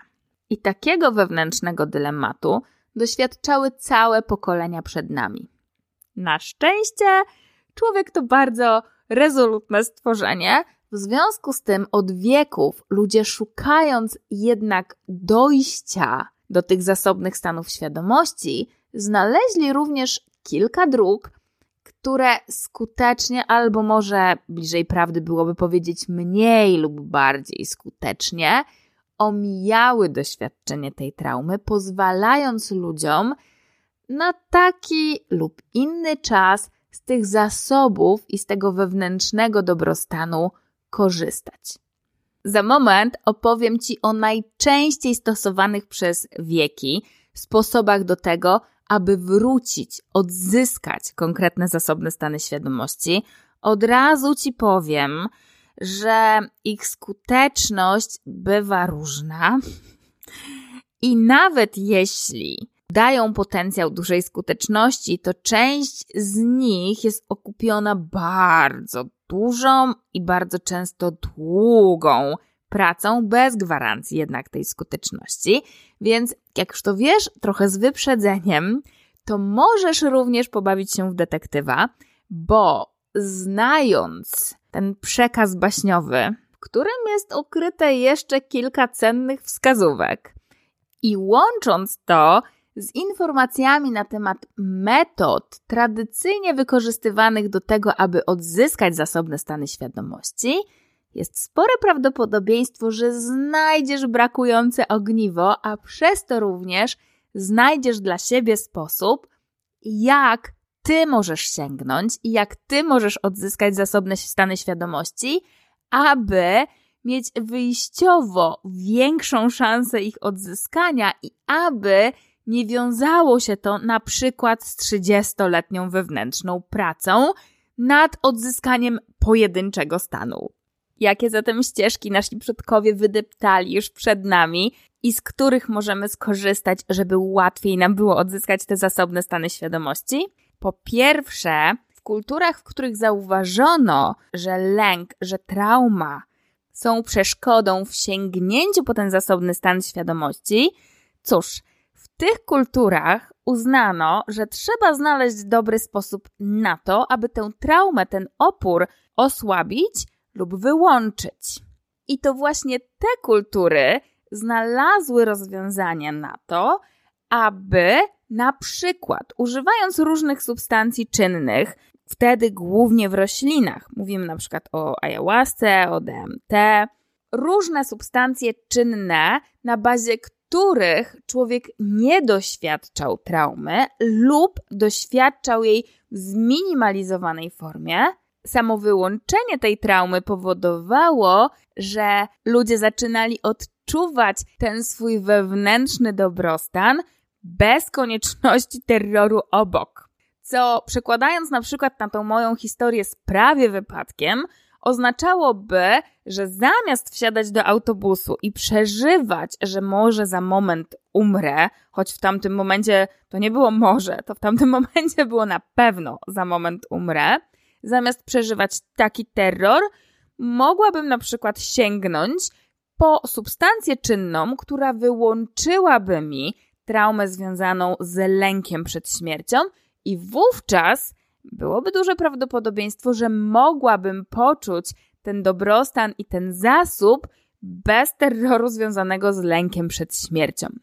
W związku z tym, substancje czynne to jest jedna z dróg, którą ludzie znaleźli. Minus tej drogi jest taki, że one absolutnie nie uwalniają człowieka od traumy. One na jakiś czas, lub przynajmniej większość z nich, na jakiś czas minimalizuje działanie tej traumy, co oznacza, że człowiek ma dostęp do tego swojego potencjału zasobów w momencie i tylko w czasie, kiedy ta substancja czynna działa, i jeszcze zazwyczaj chwilę potem, zanim te traumy raz jeszcze się nie zaktywowały. A to oznacza, że człowiek wchodzi, idąc tą ścieżką, wchodzi w niekończącą się sinusoidę.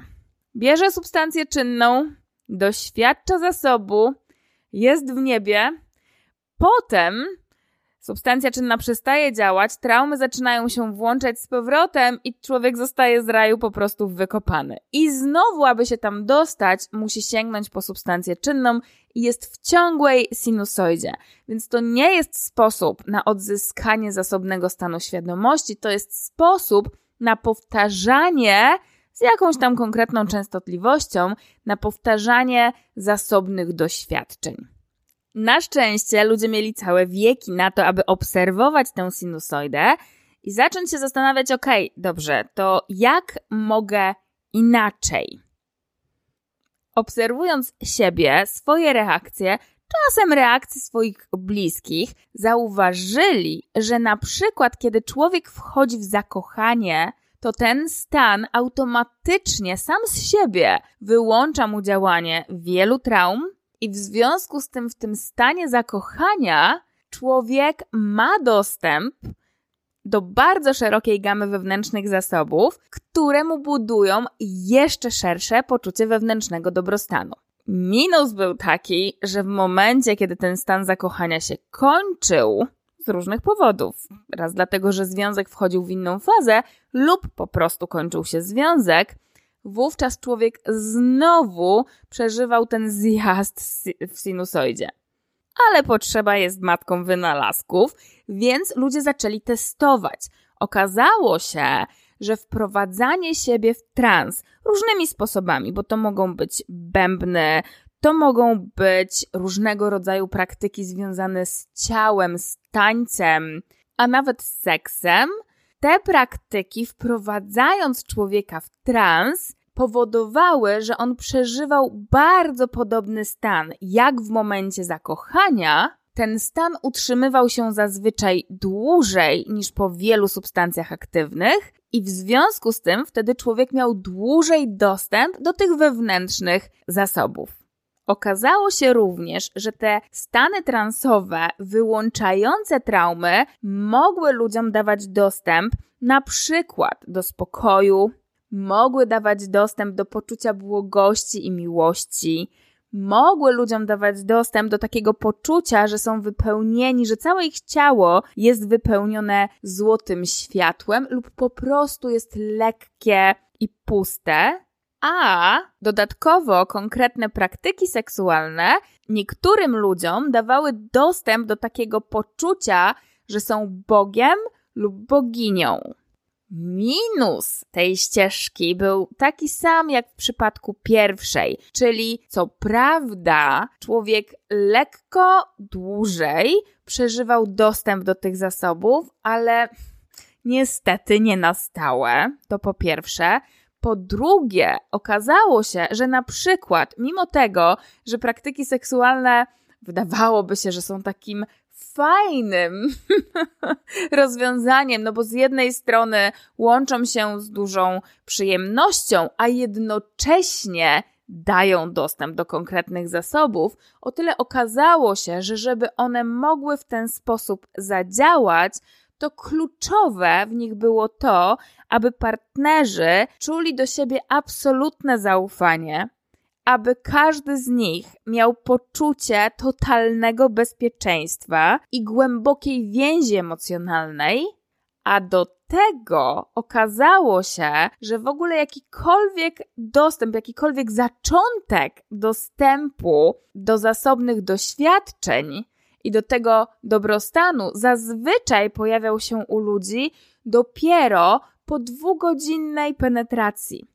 A to oznaczało długą pracę wcześniejszą nad sobą i ze sobą, żeby w ogóle w taki sposób móc się ze sobą w fizycznej miłości spotkać.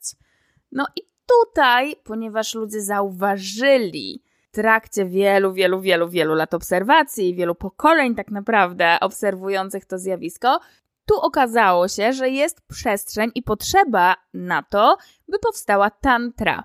I znowu łyżka dziegciu do wielkiej beczki miodu. Okazuje się, że ta wschodnia tantra, uczona i przekazywana przez pokolenia w sposób tradycyjny, rzeczywiście większość swoich adeptów po wielu latach, bo to jest przynajmniej kilkanaście lat, doprowadza do momentu, kiedy mniej lub bardziej systematycznie mają dostęp do tych doświadczeń zasobnych i dość regularnie w swoim życiu te zasoby wewnętrznie czują. One są co prawda uzależnione od powtarzania tych seksualnych praktyk, więc to nie jest stałe doświadczenie, więc nie jest to zasobny stan świadomości, ale rzeczywiście po kilkunastu latach takiej ścieżki ludzie odzyskiwali na jakiś czas łatwiejszy dostęp do zasobów. Jak porównać to z jakim rezultatem dla adeptów tantry na zachodzie wiążą się te zachodnie tantryjskie praktyki, cóż, niestety okazuje się, że ta tantra w zachodnim wydaniu bardzo rzadko kończy się dla człowieka dostępem do regularnych doświadczeń zasobnych. I tutaj znowu dała o sobie znać nasza wewnętrzna, rezolutna natura i nasze dążenie do tego wewnętrznego dobrostanu. I kiedy człowiek zauważył, że no dobrze, ta ścieżka może działać, ale osłabianie traumy powoduje dostęp do konkretnego doświadczenia i jednocześnie nie daje tych zasobów na stałe, więc ludzie zaczęli również szukać sposobów, jak nie tylko osłabiać działanie tej traumy, ale również jak się od tej traumy uwalniać. I na przykład powstały różnego rodzaju podejścia, które łączyły nie tylko pracę nad dojściem z powrotem do zasobów, czy w obszarze umysłu, czy w obszarze emocji, czy w obszarze ciała, ale również namierzały traumy, opory, trudne doświadczenia, różnego rodzaju blokady, które nie pozwalały ludziom na stałe w tym dobrym doświadczeniu zostać. Tradycyjnie przez wiele wieków wykorzystywano do tego różnego rodzaju praktyki oddechowe. I na przykład, jak wziąć pod uwagę jogę, szczególnie tą wschodnią jogę, to okazuje się, że najkrótszy czas, po którym adepci jogi, całkowicie zanurzeni w tym doświadczeniu, mieszkający w ashramie, codziennie odbywający długotrwałe, wielogodzinne praktyki, najkrótszy czas, po którym dochodzili do doświadczeń zasobnych, czasem, w bardzo małych przypadkach, ale jednak czasem możliwych, również do zasobnych stanów świadomości, to trzy miesiące. Szczególnie dla wewnętrznego spokoju było możliwe, aby odzyskać go po trzech miesiącach codziennej, wielogodzinnej praktyki odzyskanie innych stanów, zasobnych stanów świadomości na bazie jogicznych praktyk zazwyczaj zajmowało ludziom dużo więcej czasu, ale było to możliwe. Czyli to już mówimy wtedy nie o miesiącach, a latach, ale jednak lata praktyk jogicznych doprowadzały ludzi do tego, że mogli czuć wewnętrznie na przykład wewnętrzną zasobną pustkę że po wielu latach praktyk dochodzili do stałego poczucia podskórnego wewnętrznego szczęścia. Że dochodzili również do takich zasobów, kiedy czuli siebie jako w ogóle inną formę życia. Nie mówiąc już o tym, że również praktyki jogiczne potrafiły ludzi doprowadzić do momentu, gdzie na stałe mieli absolutnie mniejsze zapotrzebowanie na sen. Wystarczało im na przykład godzina czy dwie godziny snu na dobę i po jeszcze głębszych praktykach, patrz również dłużej trwających praktykach, jogini dochodzili także do innych zasobnych stanów świadomości.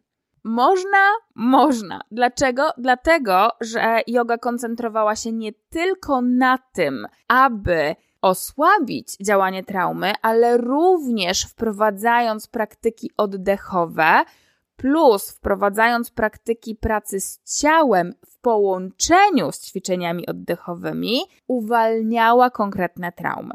Minus. Hmm, minus jest taki, że nie ma gwarancji, że akurat kiedy ty wejdziesz w tę ścieżkę, to te stany odzyskasz.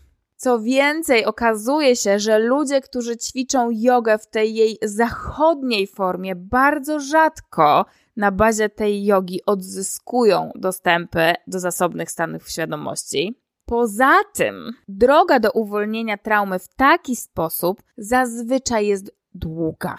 I niestety wielu Kowalskich i Malinowskich rezygnuje po drodze, dlatego że gdy powiedzmy spędzili na praktykach 7 lat, efektu nie widać i nie mają absolutnie żadnej pewności, czy i jaki ten efekt dla siebie wypracują, a również kiedy on się pojawi, wiele osób zaprzestaje tej ścieżki po drodze.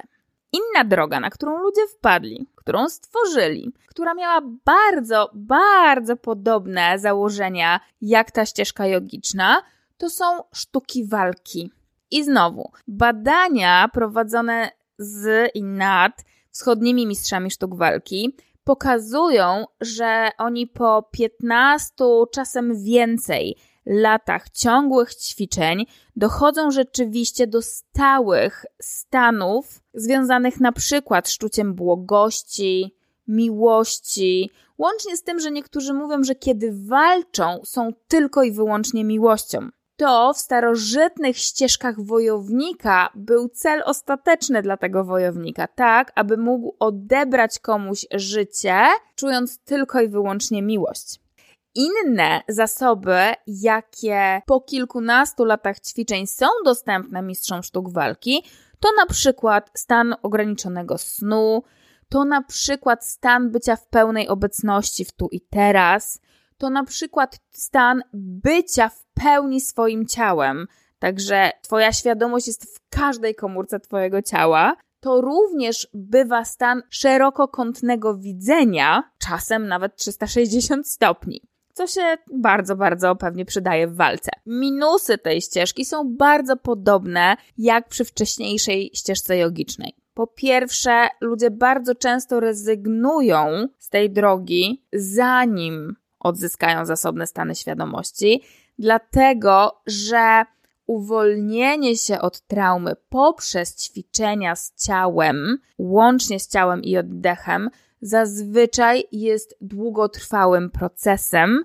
i dzieje się warstwami. Więc zanim człowiek dojdzie do źródła tej traumy, tam gdzie ono jest zapisane w ciele, to zazwyczaj zajmuje mu to naprawdę bardzo długi czas. Co więcej, okazuje się, że okej, okay, nawet te sztuki walki, które są uczone na zachodzie, adepci, ci zachodni adepci sztuk walki, też bywa, że odzyskują zasobne stany świadomości, przy czym ich droga do odzyskania zasobnych stanów świadomości jest jeszcze dłuższa niż adeptów na wschodzie, którzy są uczeni tej ścieżki w sposób całkowicie tradycyjny. Czy można odzyskać zasobne stany świadomości, idąc tą zachodnią ścieżką sztuk walki? Można. Niestety trwa to 35 lat i więcej. w wielu kulturach na świecie również od wieków wykorzystuje się medytację, a także kontemplację do tego, by z tymi wewnętrznymi zasobami swoimi się spotkać. Czy jest to możliwe? Jest. Tradycyjnie również zajmuje to minimum kilkanaście lat, aby na stałe odzyskać takie zasobne stany świadomości, jak na przykład stan wewnętrznego spokoju czy stan szczęścia, takiego podskórnego wewnętrznego szczęścia, czasem również stan poczucia siebie jako miłości. Ale okazuje się, że ponieważ potrzeba jest matką wynalazku, w związku z tym od jakiegoś czasu, szczególnie jest to rozpowszechnione w Dolinie Krzemowej, istnieją coś ala siłownie umysłowe. Taka trochę medytacja na sterydach. Taka aktywna medytacja razem z treningiem mózgu, gdzie człowiek podłączony do konkretnej maszyny wchodzi, jego mózg wchodzi w działanie fal beta, alfa, teta, delta w bardzo różnej konfiguracji. Okazuje się, że taka umysłowa siłownia po sześciu miesiącach potrafi niektórym ludziom, bo to nie jest stuprocentowa gwarancja, ale niektórym ludziom po sześciu miesiącach takich intensywnych umysłowych ćwiczeń daje dostęp stały lub bardzo obszerny przynajmniej dostęp do stanu kreatywnego przepływu. Jest to stan, gdzie człowiek ma bardzo łatwy dostęp do swojej kreatywności, do wielu pomysłów i do ekspresji tych pomysłów na bardzo wielu polach swojego życia.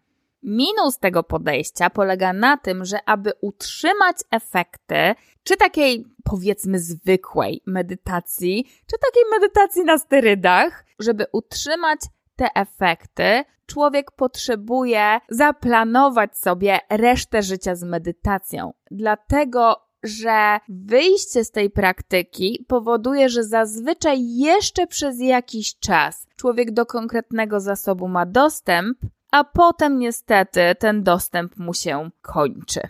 I nie wiem jak tobie, ale mi po prostu ciśnie się na usta pytanie, jak to jest, że ludzie mając tysiące lat na testowanie, na obserwacje, jak to jest, że wypracowaliśmy wiele ścieżek do tego, by odzyskać zasobne stany świadomości, a jednak w konsekwencji, nawet podążając tymi ścieżkami bardzo długo, zdecydowana większość adeptów nie dostaje zasobnych stanów do świadomości, a dostaje powtarzające się doświadczenia, krótkotrwałe, lub jest w stanie w czasie przedłużać te doświadczenia prawie tak, jakby mieli stan, ale jest to uwarunkowane codzienną, konkretną praktyką. Jak to jest? Co takiego twórcom tych tradycyjnych ścieżek umknęło, że efekt jest taki, a nie inny? Możliwe, że biorąc naukę z tej baśni o narzeczonym rozbójniku, znasz już rozwiązanie tej zagadki, a jeśli nie, to pozwól, że wspólnie odszyfrujemy dodatkowy przekaz, który w tej baśni jest zawarty. Otóż ta młoda dziewczyna, ta narzeczona, potrzebowała wrócić do najciemniejszego lasu, do kolebki ziem, które jej rodzina utraciła. Kiedy przyszła na miejsce, tam już nie było zamku, były tylko ruiny, które po nim zostały. Ale to pokazywało, że to jest to pierwsze miejsce, kolebka ziem jej rodziny. Zauważ też, że ta dziewczyna mierzyła się z traumą i z trudnymi doświadczeniami trzykrotnie. Po pierwsze, kiedy w ogóle szła w tę wędrówkę, ona się już w ogóle bała wejść do tego lasu, ale weszła. po drugie, przeżyła terror na miejscu, w tym pierwszym, pierwszym, pierwszym miejscu, w tej kolebce. Po trzecie, musiała się jeszcze skonfrontować trakcie wesela z tą opowieścią i swojemu mężowi, i całej reszcie gości opowiedziała tę historię. I dopiero te wszystkie trzy elementy razem wzięte doprowadziły ją do tego, że wróciła jako pani na włości bez męża rozbójnika, ponieważ ten został rozliczony z odpowiedzialności. Co to dokładnie dla nas oznacza? Dla nas oznacza to tyle, że pierwsze kluczowe wydarzenie rozwojowe, które biologicznie zachodzi bardzo często na poziomie naszych babci czy naszych rodziców, a czasem na poziomie rodziców, którzy są w brzuchu naszych babci, a my jesteśmy tam dopiero pierwszą mikrotworzącą się drobinką. To pierwsze wydarzenie rozwojowe, na bazie którego my mamy potencjał tych konkretnych zasobów budujących nasz wewnętrzny dobrostan, to konkretne wydarzenie i dla każdego zasobnego stanu świadomości to jest inne wydarzenie biologiczne, ale to konkretne pierwsze wydarzenie jest absolutnie kluczowym do tego, abyśmy my na co dzień mieli łatwy dostęp, bez obciążeń traumy, łatwy dostęp do tych zasobów, które nasz wewnętrzny dobrostan budują. Dlatego, aby odzyskać zasobny stan świadomości, potrzebujemy się zmierzyć i uwolnić od traumy, która w ogóle nam się włącza na samą tę myśl. To są te wszystkie takie blokujące i strażnicze traumy. Nie rób tego, bo coś złego się zdarzy. Nawet nie musisz wiedzieć, co to jest to złego, ale to jest dokładnie ten sam lęk i niepokój, który dziewczyna przeżywała na myśl, że w ogóle ma wejść do lasu. I to jest pierwszy, bardzo często bardzo szeroki obszar traum, od których człowiek potrzebuje się uwolnić. Drugi, mega kluczowy, najważniejszy, to są wszystkie traumy, które miały miejsce w tym kluczowym wydarzeniu rozwojowym i dopiero całkowite uwolnienie się od tych konkretnych traum i uwolnienie tego wydarzenia rozwojowego powoduje, że tak, masz dostęp naturalny i łatwy do zasobów. I jest jeszcze trzecia warstwa traum, z którą bardzo często ludzie potrzebują się zmierzyć, aby ten dostęp do zasobnego stanu świadomości mieć na stałe, a mianowicie ta warstwa skonfrontowania się z innymi, czasem z rodziną, czasem ze znajomymi, czasem w ogóle ze społecznością, w której jesteśmy. To jest dokładnie ta warstwa, którą w baśni o narzeczonym rozbójniku symbolizuje samo wesele. I ta opowieść dziewczyny twarzą w twarz ze swoim mężem i z każdym z gości. Dlaczego? Dlatego, że zdecydowana większość osób obecnie żyjących na świecie nie ma bezpośredniego, naturalnego, łatwego i od urodzenia dostępu do wielu stanów zasobnych świadomości. Po prostu nie ma. Zdecydowana większość ludzi zna krótkie doświadczenia zasobne, ale na wielu polach ma przyblokowaną możliwość przeżywania na co dzień zasobnego stanu świadomości. A to oznacza, że społecznie człowiek, który odzyskał dany zasobny stan świadomości, może się spotkać naprawdę z bardzo różnymi reakcjami otoczenia. I jeśli ten ktoś nosi w sobie takie traumy, takie programy czy takie tematy, na bazie których będzie mu trochę niewygodnie być takim innym niż pozostali, to te konkretne tematy, te konkretne programy mogą mu przyblokować pełnię odczuwania tego wewnętrznego dobrostanu.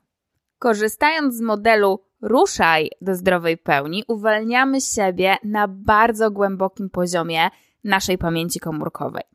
Kiedy sięgasz po narzędzia zdrowej pełni po to, żeby odzyskać dostęp do pierwszego, drugiego, trzeciego, czy trzynastego, czy dwudziestego pierwszego zasobnego stanu świadomości, tak naprawdę adresujesz wszystkie trzy kluczowe elementy.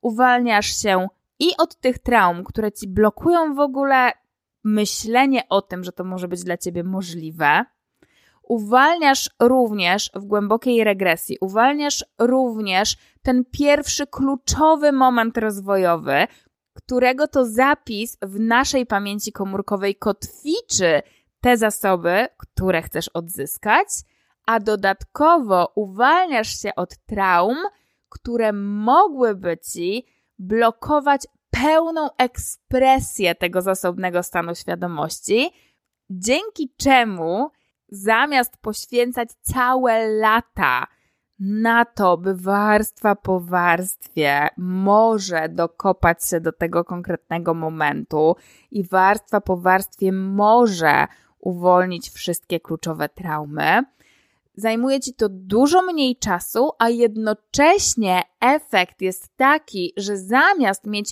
krótkotrwałe doświadczenia zasobne, masz rzeczywiście dostęp do zasobnego stanu świadomości na stałe. I ponieważ zdaję sobie sprawę z tego, że dla kogoś, kto tego nie doświadczył do tej pory, może się to wciąż wydawać mrzonką, dlatego pozwól, że przedstawię Ci Monikę. Monika jest jedną z bohaterek zdrowej pełni. I Monika dla siebie już jakiś czas temu rzeczywiście podjęła decyzję, że sięga po zasobne stany świadomości, między innymi sięgnęła po wewnętrzny spokój. I posłuchaj, jak to doświadczenie dla niej wyglądało. Ja się tymi tematami rozwojowymi zajmuję tak mniej więcej ze 20 lat, bo ogólnie tak miałam ze wszystkim powiedzmy pod górkę w życiu. Tak jakby na każdym polu to moje życie nie funkcjonowało, no ale a szczególnie też miałam też duże kłopoty zdrowotne, stany depresyjne, bardzo poważne stany lękowe, no i po prostu to totalnie uniemożliwiało mi funkcjonowanie społeczne no, w żaden sposób obszarze pracy czy relacji i, i ogólnie po prostu wszystko nie za bardzo się układało. Także ja od, od lat szukałam dla siebie rozwiązań, żeby w ogóle funkcjonować normalnie, żeby wyjść z depresji, żeby wyjść w ogóle z domu, żeby no właśnie nie odczuwać tego paraliżującego lęku. No i moja historia też jest taka, że ja jakby tych metod bardzo wiele różnych e, przerabiałam. I niektóre z nich trochę działały, niektóre z nich działały nawet jakoś tam całkiem, całkiem, ale był też taki czas właśnie w moim życiu, kiedy ja czułam, że jakby nic nie działa, że ja muszę się tak bardzo napracować, a efekt jest bardzo w sumie mizerny. No na tyle, że ja w ogóle jakoś tam w stanie jestem w ogóle funkcjonować, ale nie mogę powiedzieć, żeby to było życie, jakie, jakiego bym chciała, czy że że czuję się komfortowo w nim i tak dalej. No rzeczywiście to moje życie było takim jednym wielkim no, zmaganiem po prostu, wyzwaniem. I jak tak właśnie szukałam sobie w internecie różnych najbardziej skutecznych metod uzdrawiania, różnych yy, i tak dalej, takich, no, dla takich totalnie beznadziejnych przypadków właśnie, dla takich ludzi, którzy, dla których po prostu już nic więcej nie działa. Trafiłam właśnie na, na wewnętrzny spokój, który nie, robiłam go u ciebie, tylko u kogoś z, z Instytutu Szczytowych Stanów Świadomości, ale dzięki temu trafiłam do ciebie, bo, bo szukałam potem już um, szczytowych stanów świadomości po prostu. Ponieważ no, dla mnie to okazało się absolutnie przełomowe pamiętam, że zapłaciłam wtedy bardzo dużo pieniędzy, jak ludzie mnie pytają, w ogóle to była chyba największa suma, jaką zapłaciłam za sesję, która trwała dwie godziny. I powiem, że była to jedna z najlepszych w ogóle inwestycji, jakie, jakich dokonałam w życiu.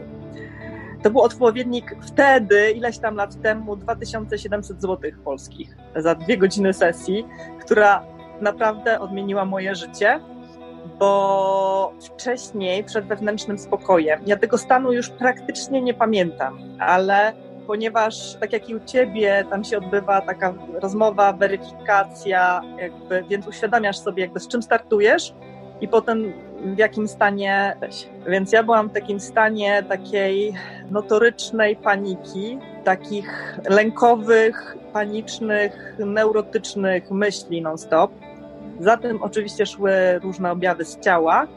No i tak jak właśnie wspomniałam, że cokolwiek bym nie robiła, to to praktycznie nie działało. No bo moje te stany lękowe, ja nie mówię, że ja się spotykam z y, nieskutecznymi metodami, tylko te moje stany y, takie wewnętrzne były na tyle y, trudne, na tyle po prostu właśnie takie bardzo, bardzo mocno lękowe i, i to było tak dominujące, że to nic nie miało szansy za bardzo zadziałać. Także po tym e, stanie wewnętrznego spokoju ja miałam takie poczucie, jakby ktoś mi w ogóle wyczyścił te myśli z głowy. Ja sobie bardzo długo to obserwowałam, po prostu siedząc w fotelu i tak przyglądając się swoim myślom. Mhm. I zamiast tej po prostu takiego, takiej nawalanki, takich e, właśnie niepokojących myśli, nad którymi totalnie wcześniej nie mogłam zapanować, to miałam ciszę, spokój, pustkę. Pojawiały się jakieś myśli, które przepływały. Czyli generalnie osiągnęłam w ciągu tych dwóch, dwóch godzin, ktoś mi zrobił taki stan, że, że ja potem, że jakby ileś tam lat medytacji czy jakiejś tam innej pracy nie było w stanie tego zrobić. Tego słynnego stanu, że siedź sobie w spokoju i że po prostu obserwuj swoje myśli. Wcześniej nie byłam w stanie tego zrobić, bo oczywiście każda myśl powodowała jakieś ogromne emocje, nie? I to były zazwyczaj takie bardzo, bardzo wewnętrzny krytyk, jakiś taki nasilony i tego typu różne historie.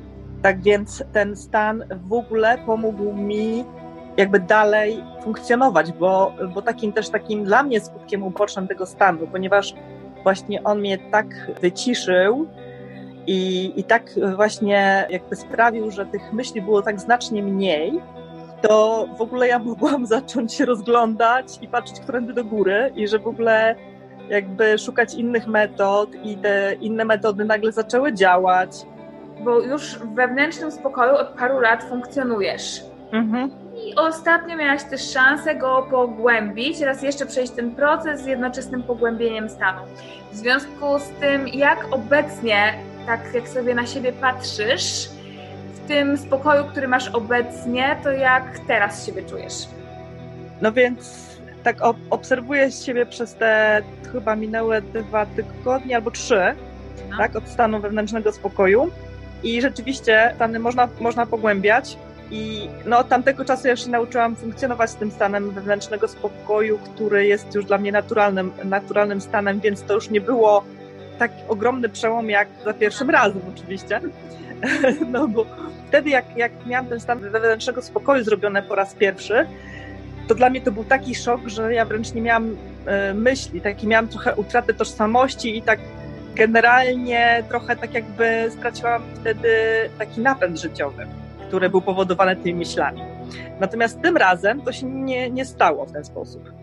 Także tak jakby to, czego się musiałam przyzwyczaić za pierwszym razem, to teraz już nie, nie wystąpiło, tylko po prostu jest tak, że ja normalnie reaguję, mam normalnie uczucia i normalne emocje jak, jak każda inna osoba, ale to jest na przykład jedna dziesiąta reakcji emocjonalnej i jeżeli chodzi o czas trwania, to też zamiast, nie wiem, wcześniej jakiś rozpacz dniami czy tygodniami, no to jest, nie wiem, chwila smutku przez 2-3 godziny.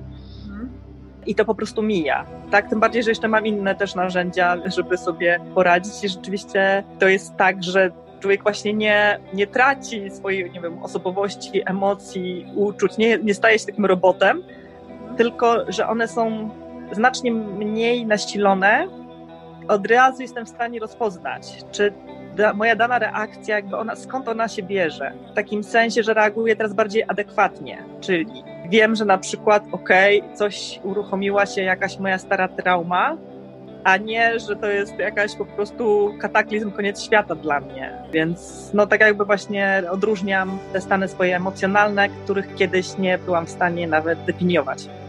Ja nie byłam w stanie nawet powiedzieć, co ja czuję tak naprawdę. Także teraz jakby też bez trudu mi, mi przychodzi rozróżnianie tych stanów emocjonalnych i jakby skąd one się w ogóle biorą.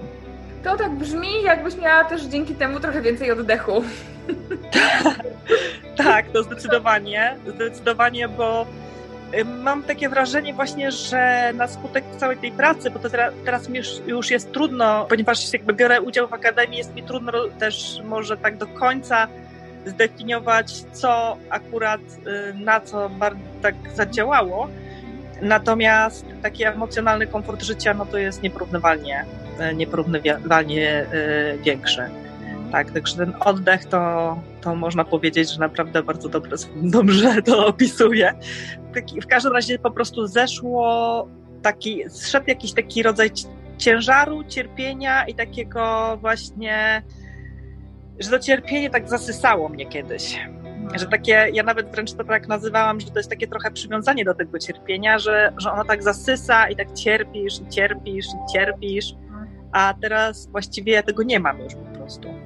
Zdarzają mi się oczywiście stany różne emocjonalne, tak jak każdemu człowiekowi, ale one są już bardzo takie, ta amplituda ich jest nieporównywalnie mniejsza i czas trwania zdecydowanie krótszy. Także po prostu zniknęło w ogóle to takie poczucie właśnie cierpienia, beznadziejności, tak? No bo jak wcześniej nie miałam narzędzi, no to to było takie rodzaje ojej, nie wiem co z tym zrobić. Także ten stan beznadziei taki zniknął. Podsumowując ten stan wewnętrznego spokoju, to po tym czasie mogę powiedzieć, że on właśnie powoduje znaczne zmniejszenie amplitudy emocji. W moim przypadku właśnie też spowodował zniknięcie tych takich lękowych, e, neurotycznych myśli. Mam też wrażenie, że bardzo się przyczynił e, do tego, że ja e, jakby raz na zawsze wyszłam z depresji, ponieważ ja miałam kil, kilka lat stany depresyjne, takiego bardzo obniżonego nastroju i takiego, że nie, nie pozwalało mi to funkcjonować. Natomiast od paru lat y, ja w ogóle stanów depresyjnych nie mam. Ja mogę mieć stan trochę obniżonego nastroju, przy, mieszkając w Warszawie w polskiej, polska zima, to ogólnie myślę, że ja funkcjonuję znacznie, znacznie lepiej niż, niż większość ludzi, których znam. Także jeżeli chodzi o nastrój, tak? Taki stabilny. O, można powiedzieć, że mój nastrój też jest bardzo sta bardziej stabilny. Mam nadzieję, że opowieść Moniki przybliżyła Ci, jak to jest na co dzień doświadczać zasobnego stanu świadomości, w tym przypadku akurat wewnętrznego spokoju. Jeśli jednak należysz do tych bardziej dociekliwych osób, które sobie zadają pytanie, co to dokładnie znaczy permanentnie i na stałe, to od siebie mogę dodać, że każdy zasobny stan świadomości można odczuwać w bardzo różnym spektrum, i mimo tego, że dostęp do jego odczuwania i do tych zasobów z nim związanych masz na stałe, to możesz spektrum tych zasobów czuć z różnym natężeniem. Mogłabym to porównać na przykład do muzyki, która gra w pokoju, w którym jesteś. Jeśli, będąc w tym pokoju, skupiasz się na słuchaniu tej muzyki, to jasne, że będziesz ją odczuwać bardziej. Jeśli dodatkowo nie tylko się na niej skupiasz, ale na przykład do niej tańczysz, wówczas Twoje doświadczenie tej muzyki jest jeszcze silniejsze. Ale jeśli jesteś w tym pokoju i na przykład pracujesz, piszesz maila albo z kimś rozmawiasz, to ta muzyka wciąż jest w tle, ona wciąż na ciebie wpływa, wciąż jej obecność kreuje dla ciebie bardziej przyjemny albo bardziej energetyczny nastrój. I fakt, że jesteś w takim nastroju, będzie dodatnio wpływał na przykład na rozmowę, którą w tym pokoju prowadzisz, albo na tego maila, który piszesz. Jednocześnie w tych sytuacjach będziesz świadomy tej muzyki, mniej lub bardziej, natomiast nie będziesz jej czuć tak silnie, jak na przykład wtedy, gdy do niej tańczysz. Gdyby jednak się zdarzyło, że w tym samym pokoju, w którym ta muzyka jest, prowadzisz karczemną awanturę i po prostu krzesła tam fruwają, to może się zdarzyć, że mimo tego, że ta muzyka wciąż gra, to ty w tym momencie, gdy jesteś w trakcie tej awantury, masz to najzwyczajniej w świecie w nosie,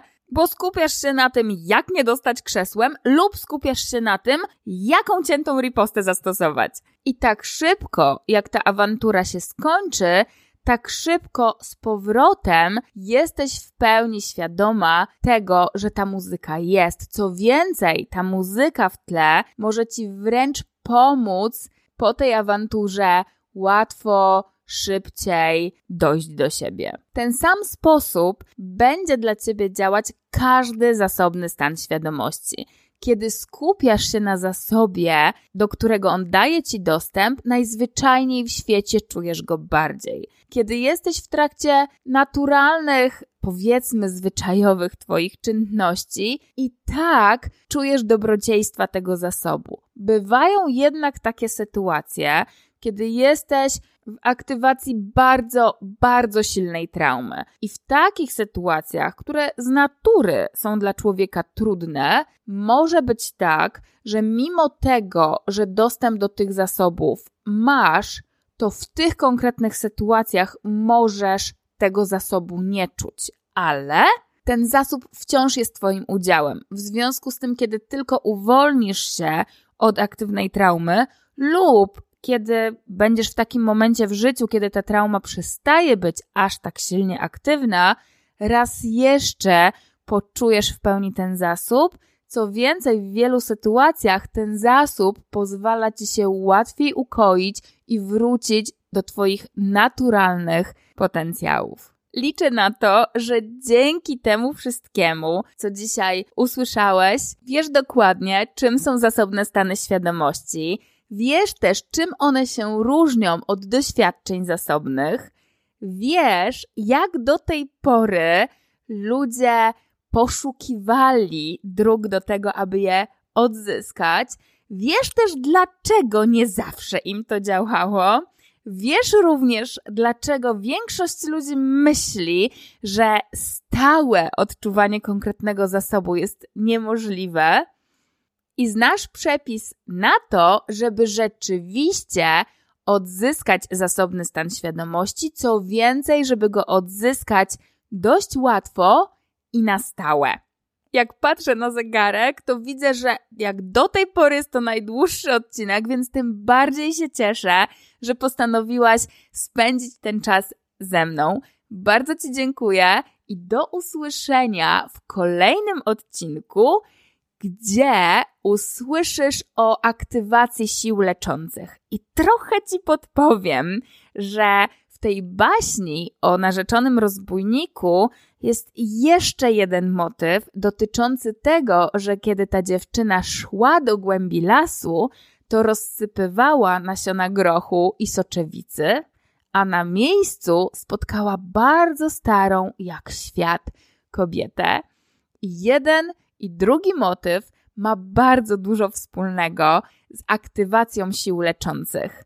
Ma bardzo dużo wspólnego z takimi Twoimi naturalnymi, biologicznymi zasobami, które w sobie masz, a które powodują, że masz możliwość i masz umiejętność, choć może na teraz jeszcze nie do końca uświadomioną, gdzie Twoje ciało samo zdrowieje z traumy. I jeśli chcesz wiedzieć więcej na ten temat, to koniecznie bądź na bieżąco, obserwuj podcast Zdrowa Pełnia z Czyżykiem i do usłyszenia w kolejnym odcinku. Tymczasem mam nadzieję, że ten wspólny czas przybliżył Cię jeszcze bardziej do wiedzy, że trwanie w życiowym utknięciu to największa głupota. Traumy i obciążenia zabijają marzenia, a pełne i na stałe uwolnienie od nich Twojej pamięci komórkowej jest najlepszą drogą do Twojej zdrowej pełni. Ja trzymam zatem kciuki za Twoje kolejne siedmiomilowe kroki do Twojej zdrowej pełni, czyli takiej przestrzeni w Tobie, w świecie, w której możesz się dwoma rękoma podpisać pod tym, że tak, żyjesz życiem, które kochasz, w którym kochasz i które naprawdę ma znaczenie. Música